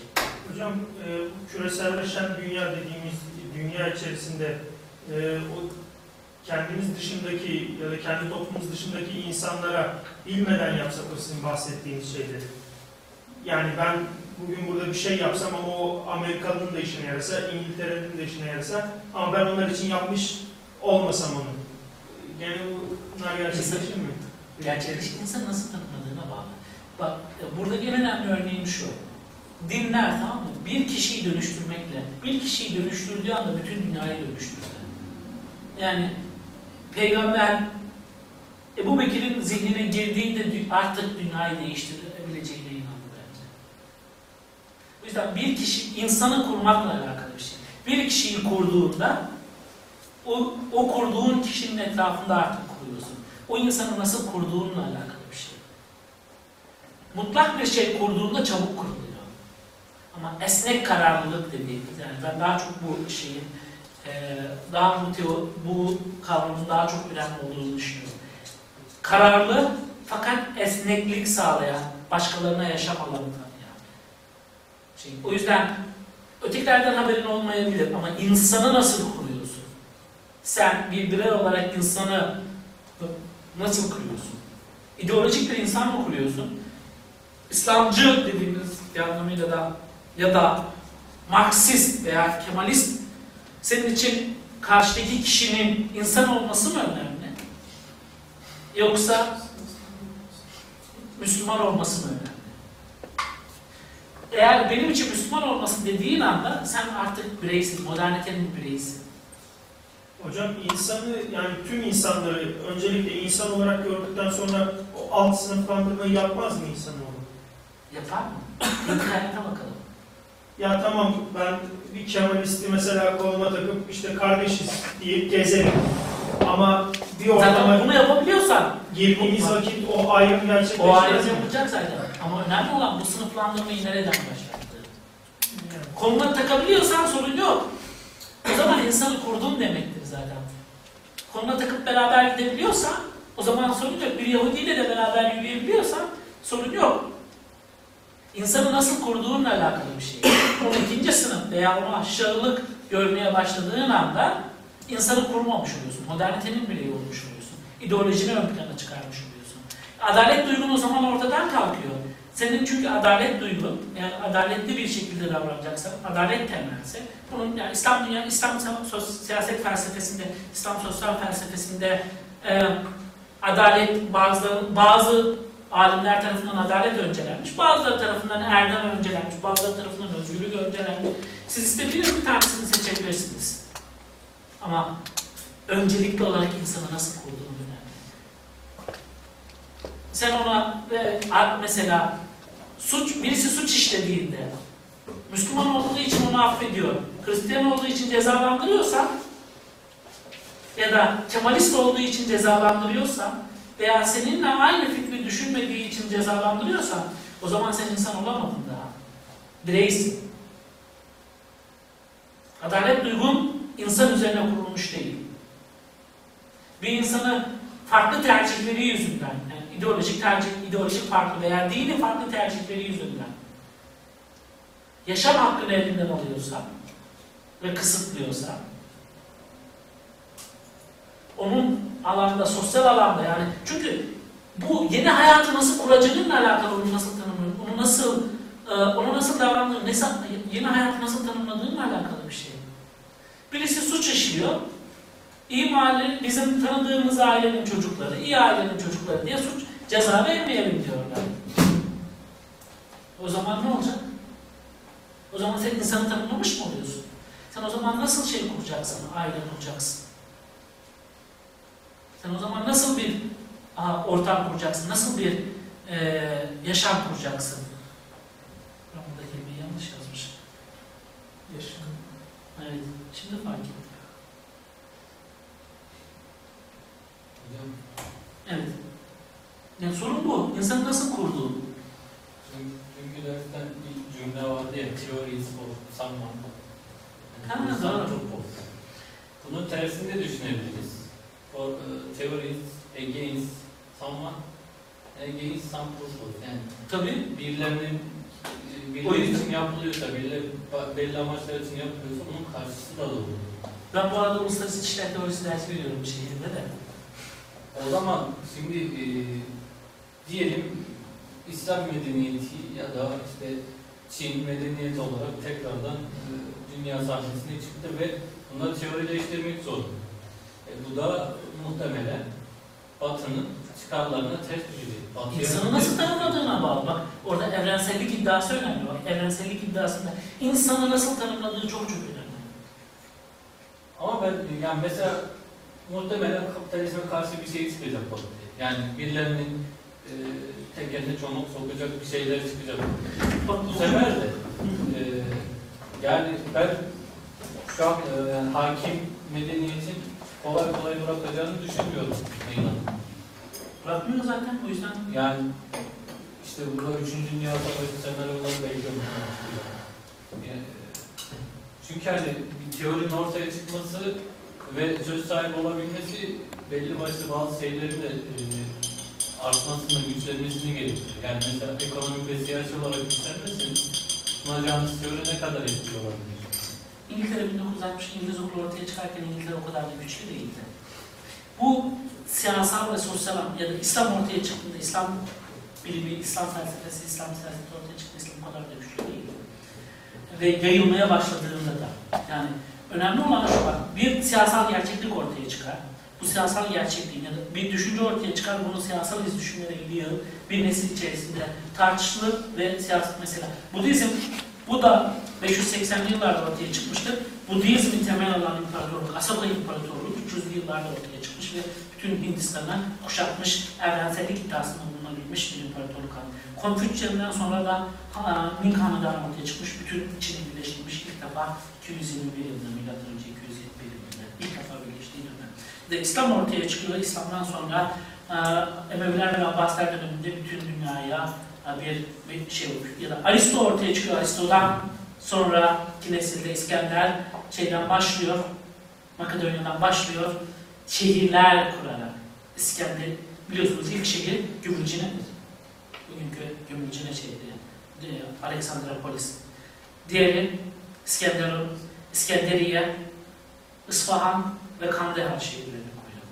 Ve bir küreselleşme, bir kendi içerisinde olup o günkü dünya dünyada bir küresel düşünce şeyin yayınladığı mesela e, düşün, Sokrat'ın düşüncesi, Stoik düşüncesi, Platon ve Efla- Eflatun ve şey yoluyla, Aristo yoluyla bütün dünyaya yayıl, bilinen o zamanki kendi bildikleri dünyaya yayılmış oluyor. Bir sosyal düşünce olması lazım ki yani on nasıl kuruyor şey e, tepkisine düşün. Sokrat'ın kurmuş olduğu, Sokrat'ın kurmuş olduğu insan figürü Sokrat'ın çocuğudur Aristo. Onun çocuğudur İskender. Siyasi irade bunun araçlarından bir tanesi sadece. İskender şehri kurmazdı belki hepsini yok ederdi. Bakın bunun karşı argümanı nasıl gelişiyor? Semboller üzerinden vereyim. 320'li yıllarda, üç- özür dilerim, 330'lu, 330-320 yıllar arasında Hindistan'a sefer oluyor. O zamana kadar bakın, o zamana bir tane Buda heykeli görmüyoruz. Buda heykeli diye bir şey yok. Mahayana Budizmi. Hiç hiçbir Buda heykeli görüntülü dizinde. Ne zaman başlıyor? Yunanlılar geliyor bölgeye ve kendi tanrılarını getiriyorlar. Taştan bir tanrı getiriyorlar. Zeus var. E, biz, sizin tanrınız nerede diyor. Kavga bu arkadaşlar. Yani sonuçta bu bir şey. Yani ortada bir gerçeklik var tamam mı? O gerçeklikle mücadele, ona, o gerçekliğin getirdiği meydan okumalara cevap üretmek zorunda.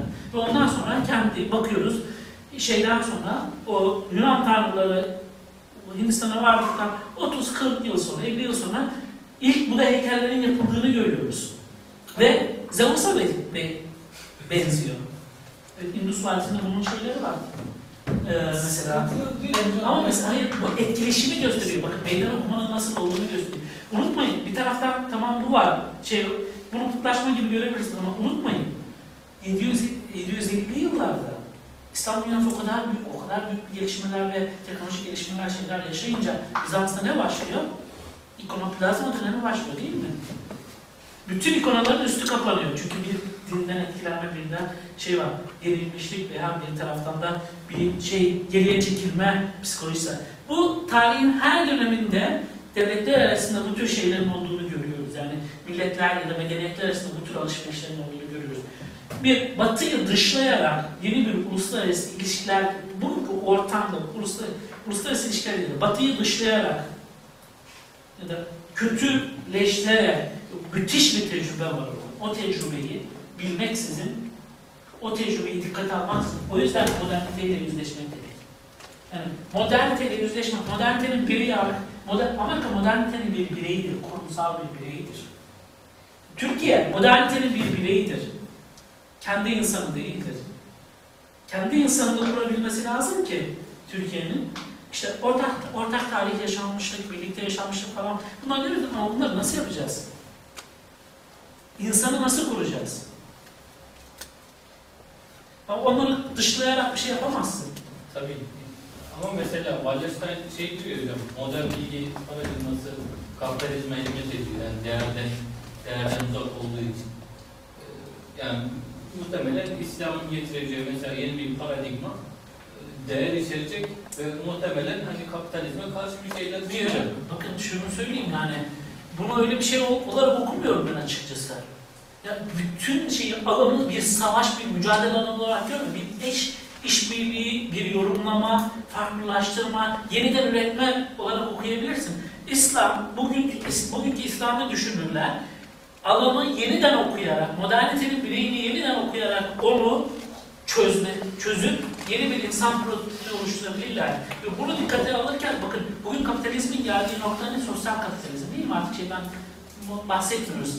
Vahşi bir kapitalizmden bahsedilse bile artık içerisine sosyal unsurların, sosyal güvenliğin iyice girdiği, yani e, kabul edelim etmeyelim yani bu şeyi sosyal kapitalizm diye bir şey var.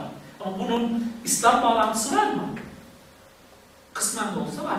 Düşünün, Türkiye'de bunu neoliberal, neoliberalizme, kapitalizmi, kap, neokapitali, neoliberalizme, sosyal güvenliği Türkiye'de koyarken, içine yerleştirirken hükümet veya kurumlar, teorisyenler nasıl teorileştirmeye, nasıl anlatmaya çalışıyor? İslam'ın zekat unsurunu diyor, biz bu şekilde harekete geçirmeye çalışacağız diyor. Şeyin, İhsan El Açık gibiler ne diyor? Bu yetmez diyor, daha fazlasını yapacaksınız diyor. Orada da bir gerçeklik var arkadaşlar. Bir devlet var, devletin yaşaması lazım. Eğer öyle bakarsan. Bu kurum var, devleti yücelttiğinden değil. Ama ortada bir gerçeklik var. Bu gerçekliği yatsıyarak bir şey yapamayız. O gerçekliği yok kabul edemeyiz. Ortada bir gerçeklik var ama bu gerçekliğin ötesinde ne yapabiliyoruz onu düşünmemiz lazım.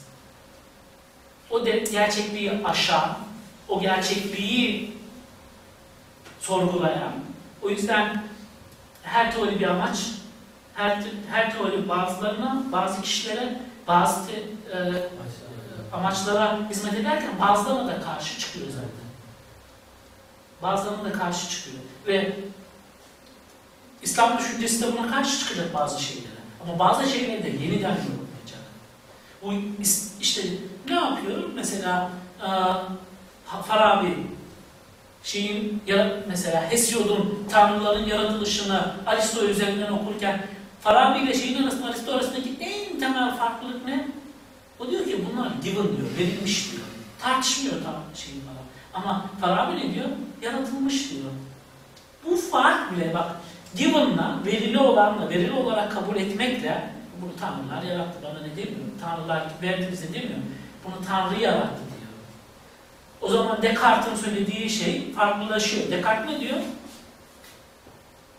Düşünüyorum öyleyse bak yani ben olduğum için şeyim. Ama bir Müslüman buna ne diyor? He is therefore I am. O var ki ben varım diyor. Aradaki fark bu. Ha, İkisi de insan kuruyor. İkisi de insanı kurmuyor mu?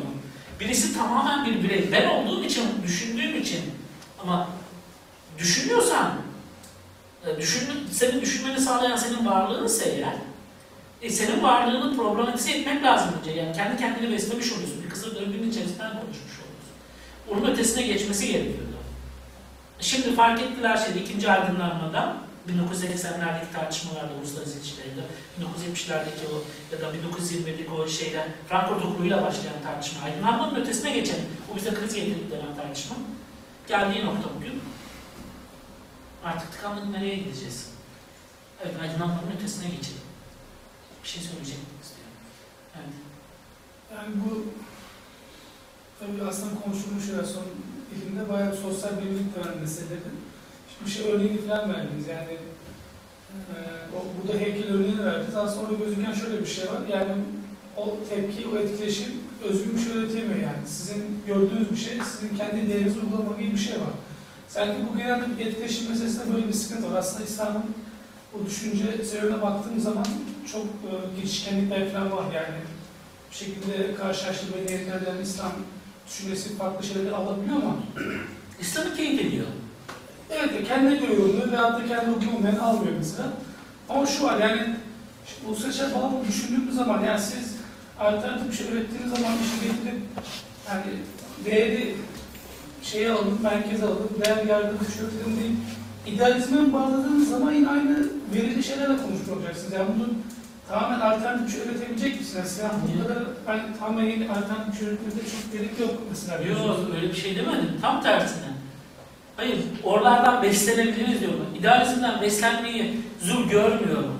Tam tersine beni zenginleştirici unsur olarak görüyorum. Yani Benim getireceğim farklılık diyorum. İslam düşüncesinin kurduğu insan şeyi, insan algısıdır diyorum. Ve bunu yaparken de ya bu liberalizme benzemiş, liberalizmde bunları da ya tartışsın kardeşim bir şey bu benim bu ya da liberalizme bağlayacaklar birileri, idealizme bağlayacaklar, realizme bağlayacaklar bazı unsurları. Bağlasınlar. Ama bu benim için zul değil. Ya bunları ben kötü bir unsur olarak görmüyorum. Tam da zenginleştirici unsur olarak görüyorum. şunun için söyleyeyim. Yani bu, şimdi sen de o şeyleri konuştuk. Yani artık daha hani tırnak içinde çevredeki ülkelerde üretilen bir düşünce biçim falan var. Aslında ya Batı da muhtemelen kendi içinde son 20-30 senedir şeyi tartışıyor yani. O Batı merkezciliğin falan farkında olup yani çevrede ne bitiyor de farkında. Çevredeki ülkelerde de yani Türkiye olsun farklı çevredeki ülkelerde de bu şekilde hani tartışılıyor. Ya bu Batı merkezci bir şey var. Bizim kendi medeniyetimiz, kültürümüz var. Burada bir şey üretemez miyiz diye. Şimdi ben geri dönüp baktığım zaman hani ümitsiz bir şey değil ama hani çok bir şey ortaya çıkarıldı mı? Hani böyle yeni bir isimler mesela dedik ya işte geriye gelelim Farabi, Kanızade bununla ilgili ne söyledi? Ya bunun Çin'de muhtemelen söylüyor. Hindistanlı biri de bunu söylüyor. Biz geriye gidelim hangi ismi çıkaralım falan diye. Ya, klasikler okuyorlar şimdi. Türkiye'de bununla ilgili sosyal bilimciler klasikleri okumaya başladılar. Yani düşünün. Şey var. Mesela Ama İslam Türkiye'de daha bir şey girmedi. Yani şöyle bir şey, kimdi? Mesela Türkiye'ye daha 90'lı yıllarda tanıştık kimdiyle. Türkiye. Yani Tercüme Bu tür- o tarihlerde yani. ya düşün ya bütün yani o yüzden bu tartışmayı bugüne taşıdık ve bu tartışma onların yaptıkları tartışmalar mesela düşünün Muhammed Emrullah'ın yaptığı çalışmaları müthiş çalışmalar. Onların beyan yayınları tarafından Türkiye Türkçe'ye tercüme girip yayınlanması 90'ların sonunda ve 90 ortaları işte falan yani 90'ların ortalarında 94 90 2000 yıllar arasında bu tartışmalar Türkiye'ye girdi yavaş yavaş literatüre girmeye başladı, okunmaya başlandı ve bunların üzerine bir şeyler oluşmaya başladı. Yani Erdem, şimdi Ergun Kızımınan Bedavi hemen hemen bu şeyi çok kişi bilmeye başladı Gazali ile ilgili. Gazali artık bu Türkiye'de ilahiyat fakültelerinin dışındaki müfredatlarda da ya aslında bunlar başka şeyler de söylemişlerdi. Ya da Yunus Emre okutul, e, edebiyatta, edebiyatın dışında da okutulmaya başlandı. Bunlar yavaş yavaş diyorum ya işte sosyal bilimlerin içerisine girmeye başladı ve sosyal bilimlerin e, tartışması buradan zenginlik kazanıyor. Asıl işte Hindistan'da da bu olmaya başladı. Özellikle 90'lı yıllar bu yüzden önemli. 90'lı yıllardaki o yapının değişmesi, uluslararası yapının veya biz kendimizi yeniden bulalım, kimliğimizi yeniden tanımlayalım tartışmaları, karakterimizi yeniden tanımlayalım tartışmaları. Bu tartışmaların ekseninde gelişiyor ama bu hemen bunu yaptım olmuyor, böyle Şu- olmuyor. şu- Olgunluğa erişmesi gerekir diyorum. Bütün dediğine şöyle bağlayabilirim. Yani e, bu tartışmalar e, yani tartışmak için elimizde belli bir veriler doneler olacak. Yani şimdi sosyal teorisini hani daha özgün farklı medeniyetlerde, kültürlerde bir birikimle tartışalım derken hani belli kavramlarla belli mesele tartışacağız. Bu şu yani şu bir sıkıntı olacak mı olmayacak mı? Bunu bütün sosyal bilimci olanları sorabiliyoruz. Mecburen elinizdeki şeylerle tartışacaksınız. Bu şu an Batı'nın ürettiği e, genel geçen tartışılan meseleler. Yani o kavramlarla tartışacaksın. Bu sefer olayı biraz kısıtlamış ve hani özgün bir şey ortaya ki bir sıkıntı ortaya çıkmayacak. Bu Şöyle bir şey yani. Şimdi mesela hani siyaset teorisini tartışalım falan diye çok şey hani konuşuluyor, tartışılıyor. Bu İslam bu konuda falan nedir diye.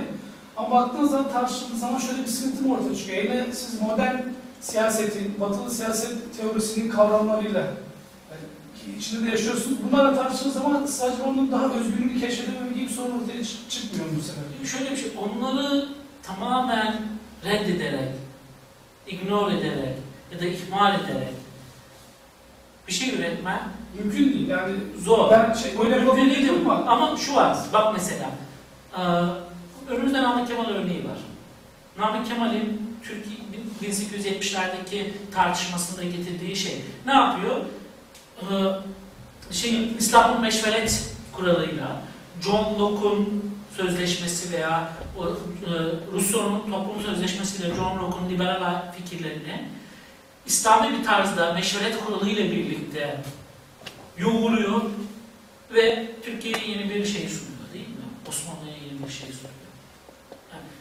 Hem Batı klasiklerini hem Doğu klasiklerini, kendi klasiklerini biliyor. Çünkü ortada bir gelişen bir bilim var. O Dünyaya kulaklarını, yani bir dünyaya kulaklarını kapadığında tek gözlü oluyorsun. Sadece kendi dünyana, tünelin içerisine giriyorsun. Yani dü- dünya, bütün, diğer ben tek gözlü bakmak istiyorum diyorsan bak yıllardır ama şey, yani 100 yıldır Uluslararası İlişkiler Disiplini Kurulu neredeyse 100 yıldır yaptığı şey tek gözle bakmaktı dünyaya. Evet bakıyor, tek gözle bakıyor. Geldiğimiz nokta, yaşadığımız krizler, yaptığımız, yapılan savaşlar, yaptığımız tartışmalar, hep bu tek gözlülük yüzünden. Evet, ben de kardeşim kapatacağım ona bu gözle bakmak istiyorum. Tercih senin ama bu önümüzde böyle bir tecrübe var. Ve bu tecrübe bize tek gözle bakmanın, tek unsurla ele almanın problemli olduğunu. Çünkü insanı kuranın tek olmadığını, farklı şeylerden beslendiğini, insan doğasının özünde iyi olmakla birlikte bir taraftan bakıyorsun melek gibi olacak, bir taraftan bakıyorsun şeytan gibi olabilecek. Ama bunu da besleyen bir tecrübe kanalının olduğunu, tarihsel kanalının olduğunu, şey, çeşitli değişim alanlarının olduğunu gösteriyor. Toplum yani bir uluslararası ilişkiler, bugünkü uluslararası ilişkiler çalışmak isteyenler, felsefe, tarih, sosyoloji okumadan uluslararası ilişkiler eğitim alırsa, uluslararası ilişkiler yapmaya çalışırsa, bu disiplini tartışmaya çalışırsa eğer ortaya komplo teorisi çıkar. Başka bir şey çıkmaz. Uluslararası ilişkiler, ilişkiler çıkmaz. Ortaya komplo teorisi. O yüzden işin temelinde felsefe var. Tarih var. Çünkü tarih dediğim şey bu insan aklının eylemesi değil. İnsan aklı bazen rasyonel eğiliyor, bazen irrasyonel eğiliyor. İnsan aklının eylemesi var ve bu tarih dediğimiz şey bu aslında, bu tecrübe. Ve sosyoloji, bizim yapıp yapmadıklarımız, neyi yapıp yapmadıklarımız, o sosyal psikoloji, sosyolojik psikoloji, devlet toplum yapısı nasıl? Çünkü yeni bir yaşam tarzı sunmamız gerekiyor.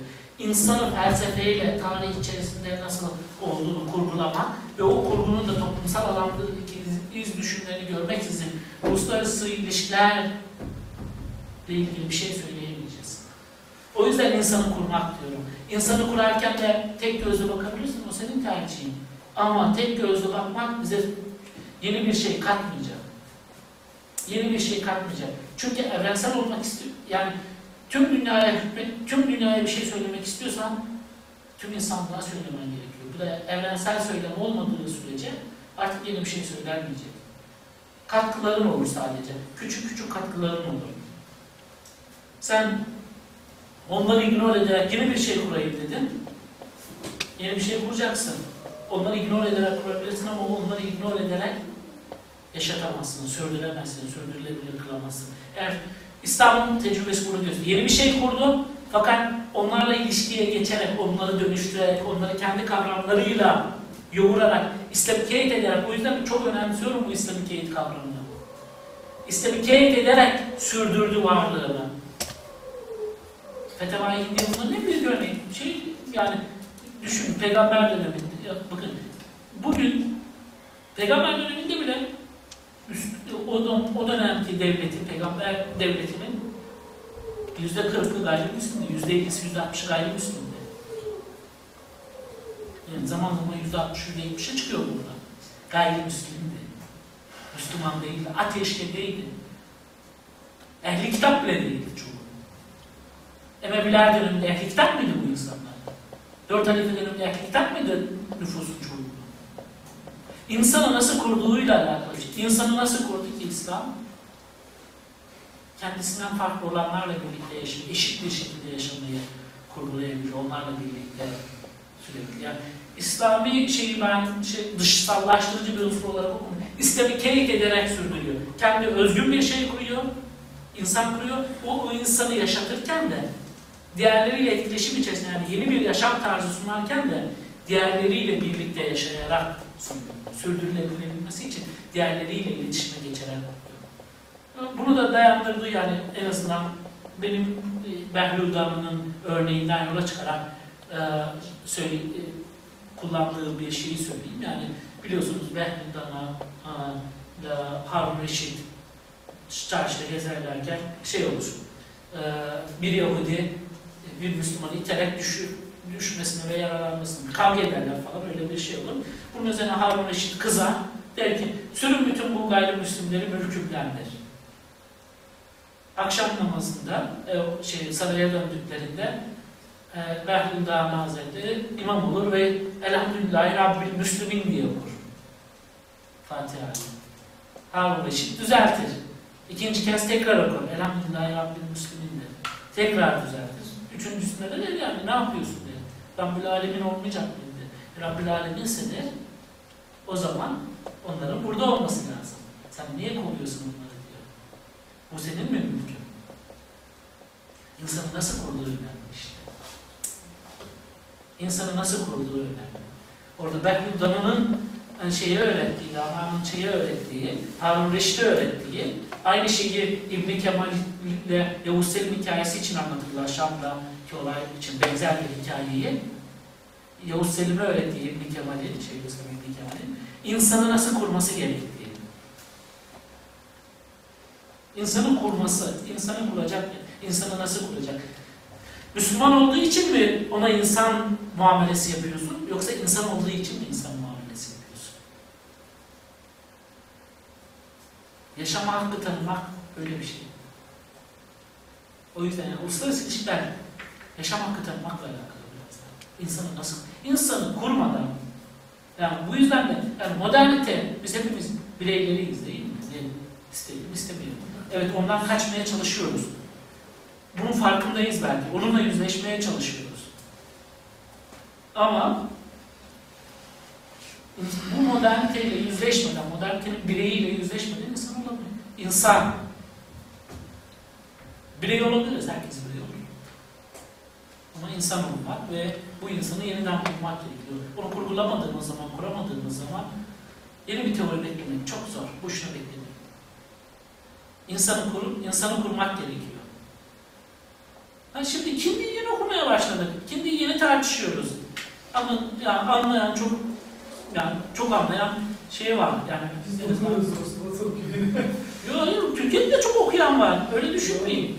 Mesela e, Muhammed Ali, yani benim en azından is- siyaset, İslam siyaset felsefesi çalışanlar var. Muhammed Ali Alcan belki ismini duymuş olabilirsiniz. Yıldız Teknik'te bölge bir üyesi bir arkadaş. Mesela o bu tür konularla ilgileniyor. Ben bize Mehmet Akif Kayapınar var mesela. Yani o daha şey daha çok şey söyleyecektim benden mesela o anlamda. Çünkü o alanı benden daha çok çok iyi. Onunla ben bunun okuyucusuyum. Öğrencisi değilim mesela şey. O alanın öğrencisi değilim. Okuyucusuyum. Ama şey değil mesela okuyup hiç okuyup hiç okumak var okumak var yani. Onunla metinle yüzleşmek var. Metinle tartışmak var. Yani derinlemesine tartışmak var. E, Ahmet Okumuş var mesela bizde. Ya da Hızır Murat Köse var. Bunlar daha çok şey yani. Bunları yapanlar az değil, çok var. Sadece bizim üniversite ya da şey de söylemiyorum. Ankara'da çok yapan var bunu. Nuri Yurdusev var mesela. Bu tartışmayı yürütüyorlar. Yani çok önemli tartışmalar bunlar. Yani sadece şeyleri değil. Yani sadece, e, Bu bu, bu alanda çeşitli alanlar. Tarihte de yürütüyorlar bu tartışmayı. Edebiyatta da yürütüyorlar. Ali Ünal var mesela. Zamandaki değil ama. Yok bu güzel çok sevindirici şeyler var da ben hani bak Ya bunlar bakın, bunlar olmaksızın, bunlar olmaksızın, bu tür şeyler olmak, yani biz emeklemediğimiz zaman yürüyemiyoruz, koşmuyor, koşamıyoruz. Biz hemen kalkıp ayağa koşalım diyoruz. Yok öyle bir şey yani. Önce bir de bunları tartışacağız, olgunluğa erişecek. Bu yavaş yavaş olgunluğa erişiyor Türkiye'de. Yavaş yavaş erişiyor ve bundan çok umutluyum ben. Çok umutluyum. Çok çok umutluyum. Çok güzel şeyler söylüyorlar, çok güzel şeyler yazıyorlar. Bu tartışmayı yürüten, bu tablo bilim çevresinde de bunu İslam Fazlıoğlu var mesela. Müthiş bir şey yani ya da aa, kimdi Fuat Hoca? Fuat mıydı? Fuat Hoca şeydeki Almanya'daki. Evet Fuat Sezgin. Hep Türkler aklıma geliyor ama mesela Seyit Hüseyin Nasr var, Abdülkerim Suruş var. Ya da Taha Abdurrahman var mesela Fas'ta. Müthiş bir biri. Muhammed El Cabiri vardı. Allah rahmet eylesin. Gadnoşi vardı. Tamam, hala var mı? Gadnoşi vardı.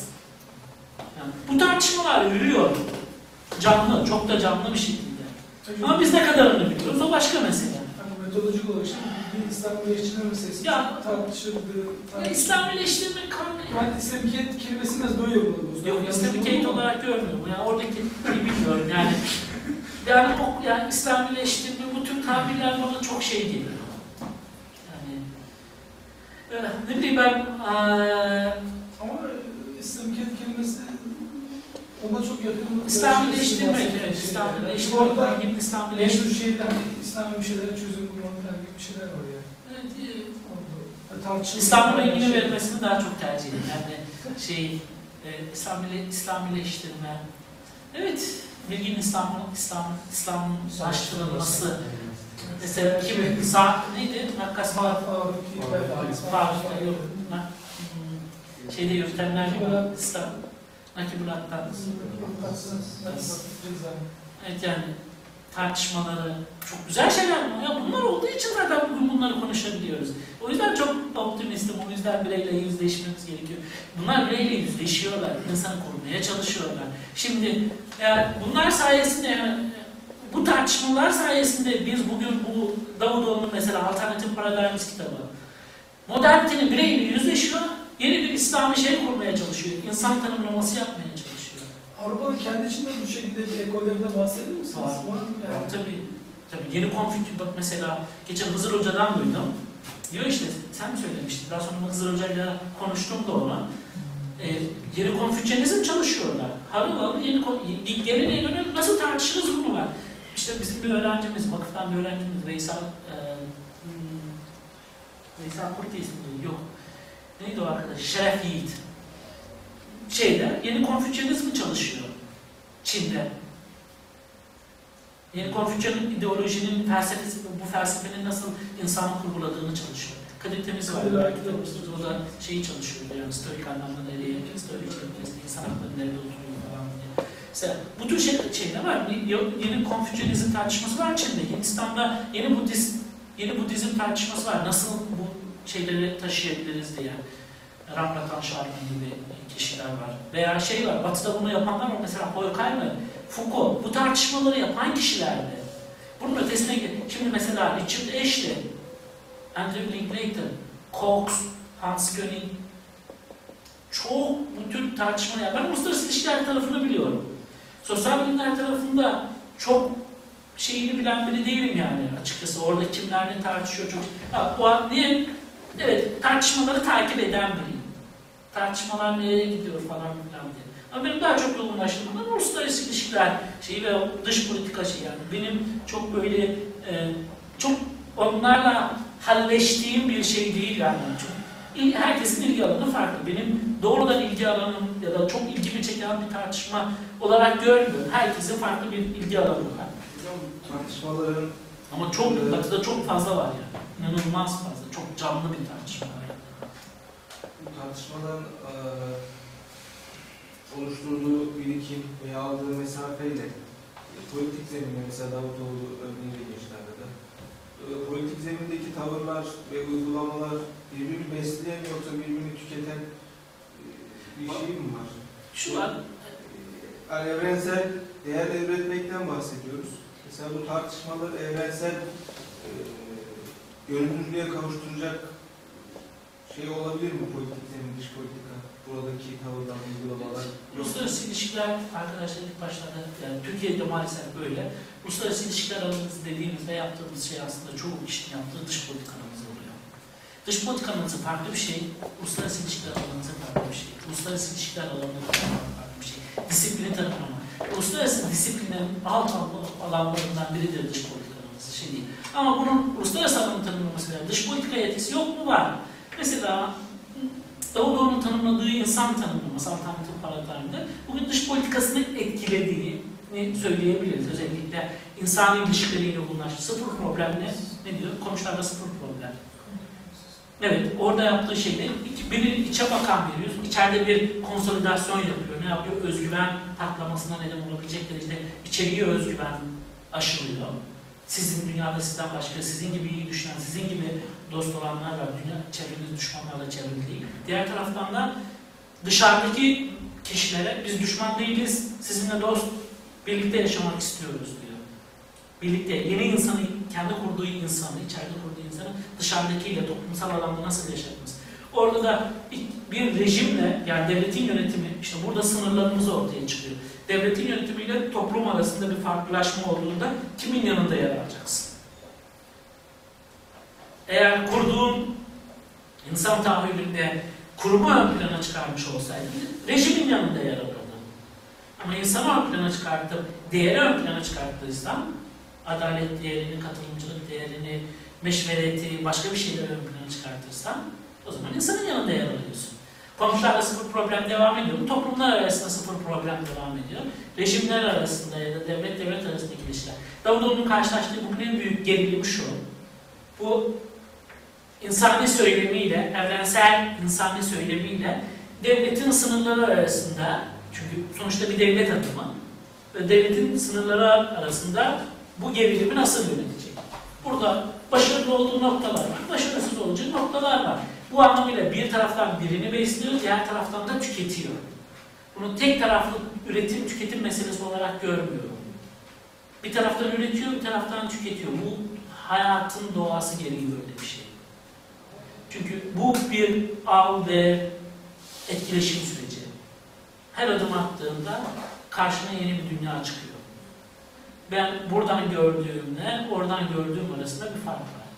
Buradan gördüğüm, buradan baktığımda o detayları çok iyi göremiyorum. Üzerindeki rengin, üzerinde giydiği kazanın renklerinin neler olduğunu çok iyi seçemiyorum. Ama iki adım attığımda daha çok seçmeye başlıyorum.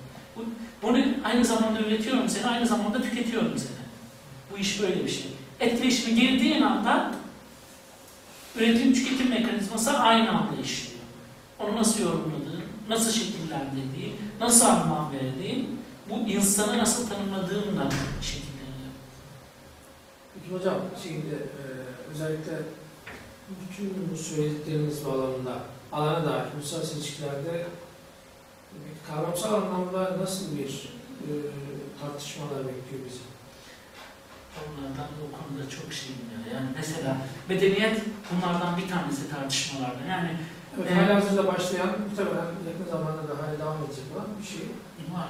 İşte din çok tartışması, din mesela- uluslararası ilişkiler tartışması Evet, var. yani Niye bireyi çok merkeze koydunuz ama e, acaba- Birey değil. insan. Bak İnsan- insan doğası, insan- doğası, toplumsallık, felsefe yani senin varlıkla olan ilişkin çok önemli. Yani kurduğun o insanın varlıkla olan ilişkisi, doğayla olan varlık dediğin tanrıyla olan ilişkisi, doğayla olan ilişkisi. Bunları kurgulamadığın sürece mesela bunu niye bugün din ve medeniyet olgusu çok fazla ön plana çıkıyor uluslararası ilişkilerde bunlar yani önümüzdeki en temel kavramlar olarak devam edecek kavramlar olarak gözüküyor. Tam da bu nedenden dolayı din demek varlıkla olan ilişkini kurmak demek yani. Medeniyet demek kurmak demek. İşte kavramlar bunlar yani insan hakları. Ben bireyi merkeze koymuyorum. Benim onunla yüzleşmemiz lazım. Yeni bir insan tasavvuru kurmamız gerekiyor. Bu insan tasavvuruna göre kuracağımız yeni hayatın, yaşam tarzının yeniden tanımlanması gerekiyor.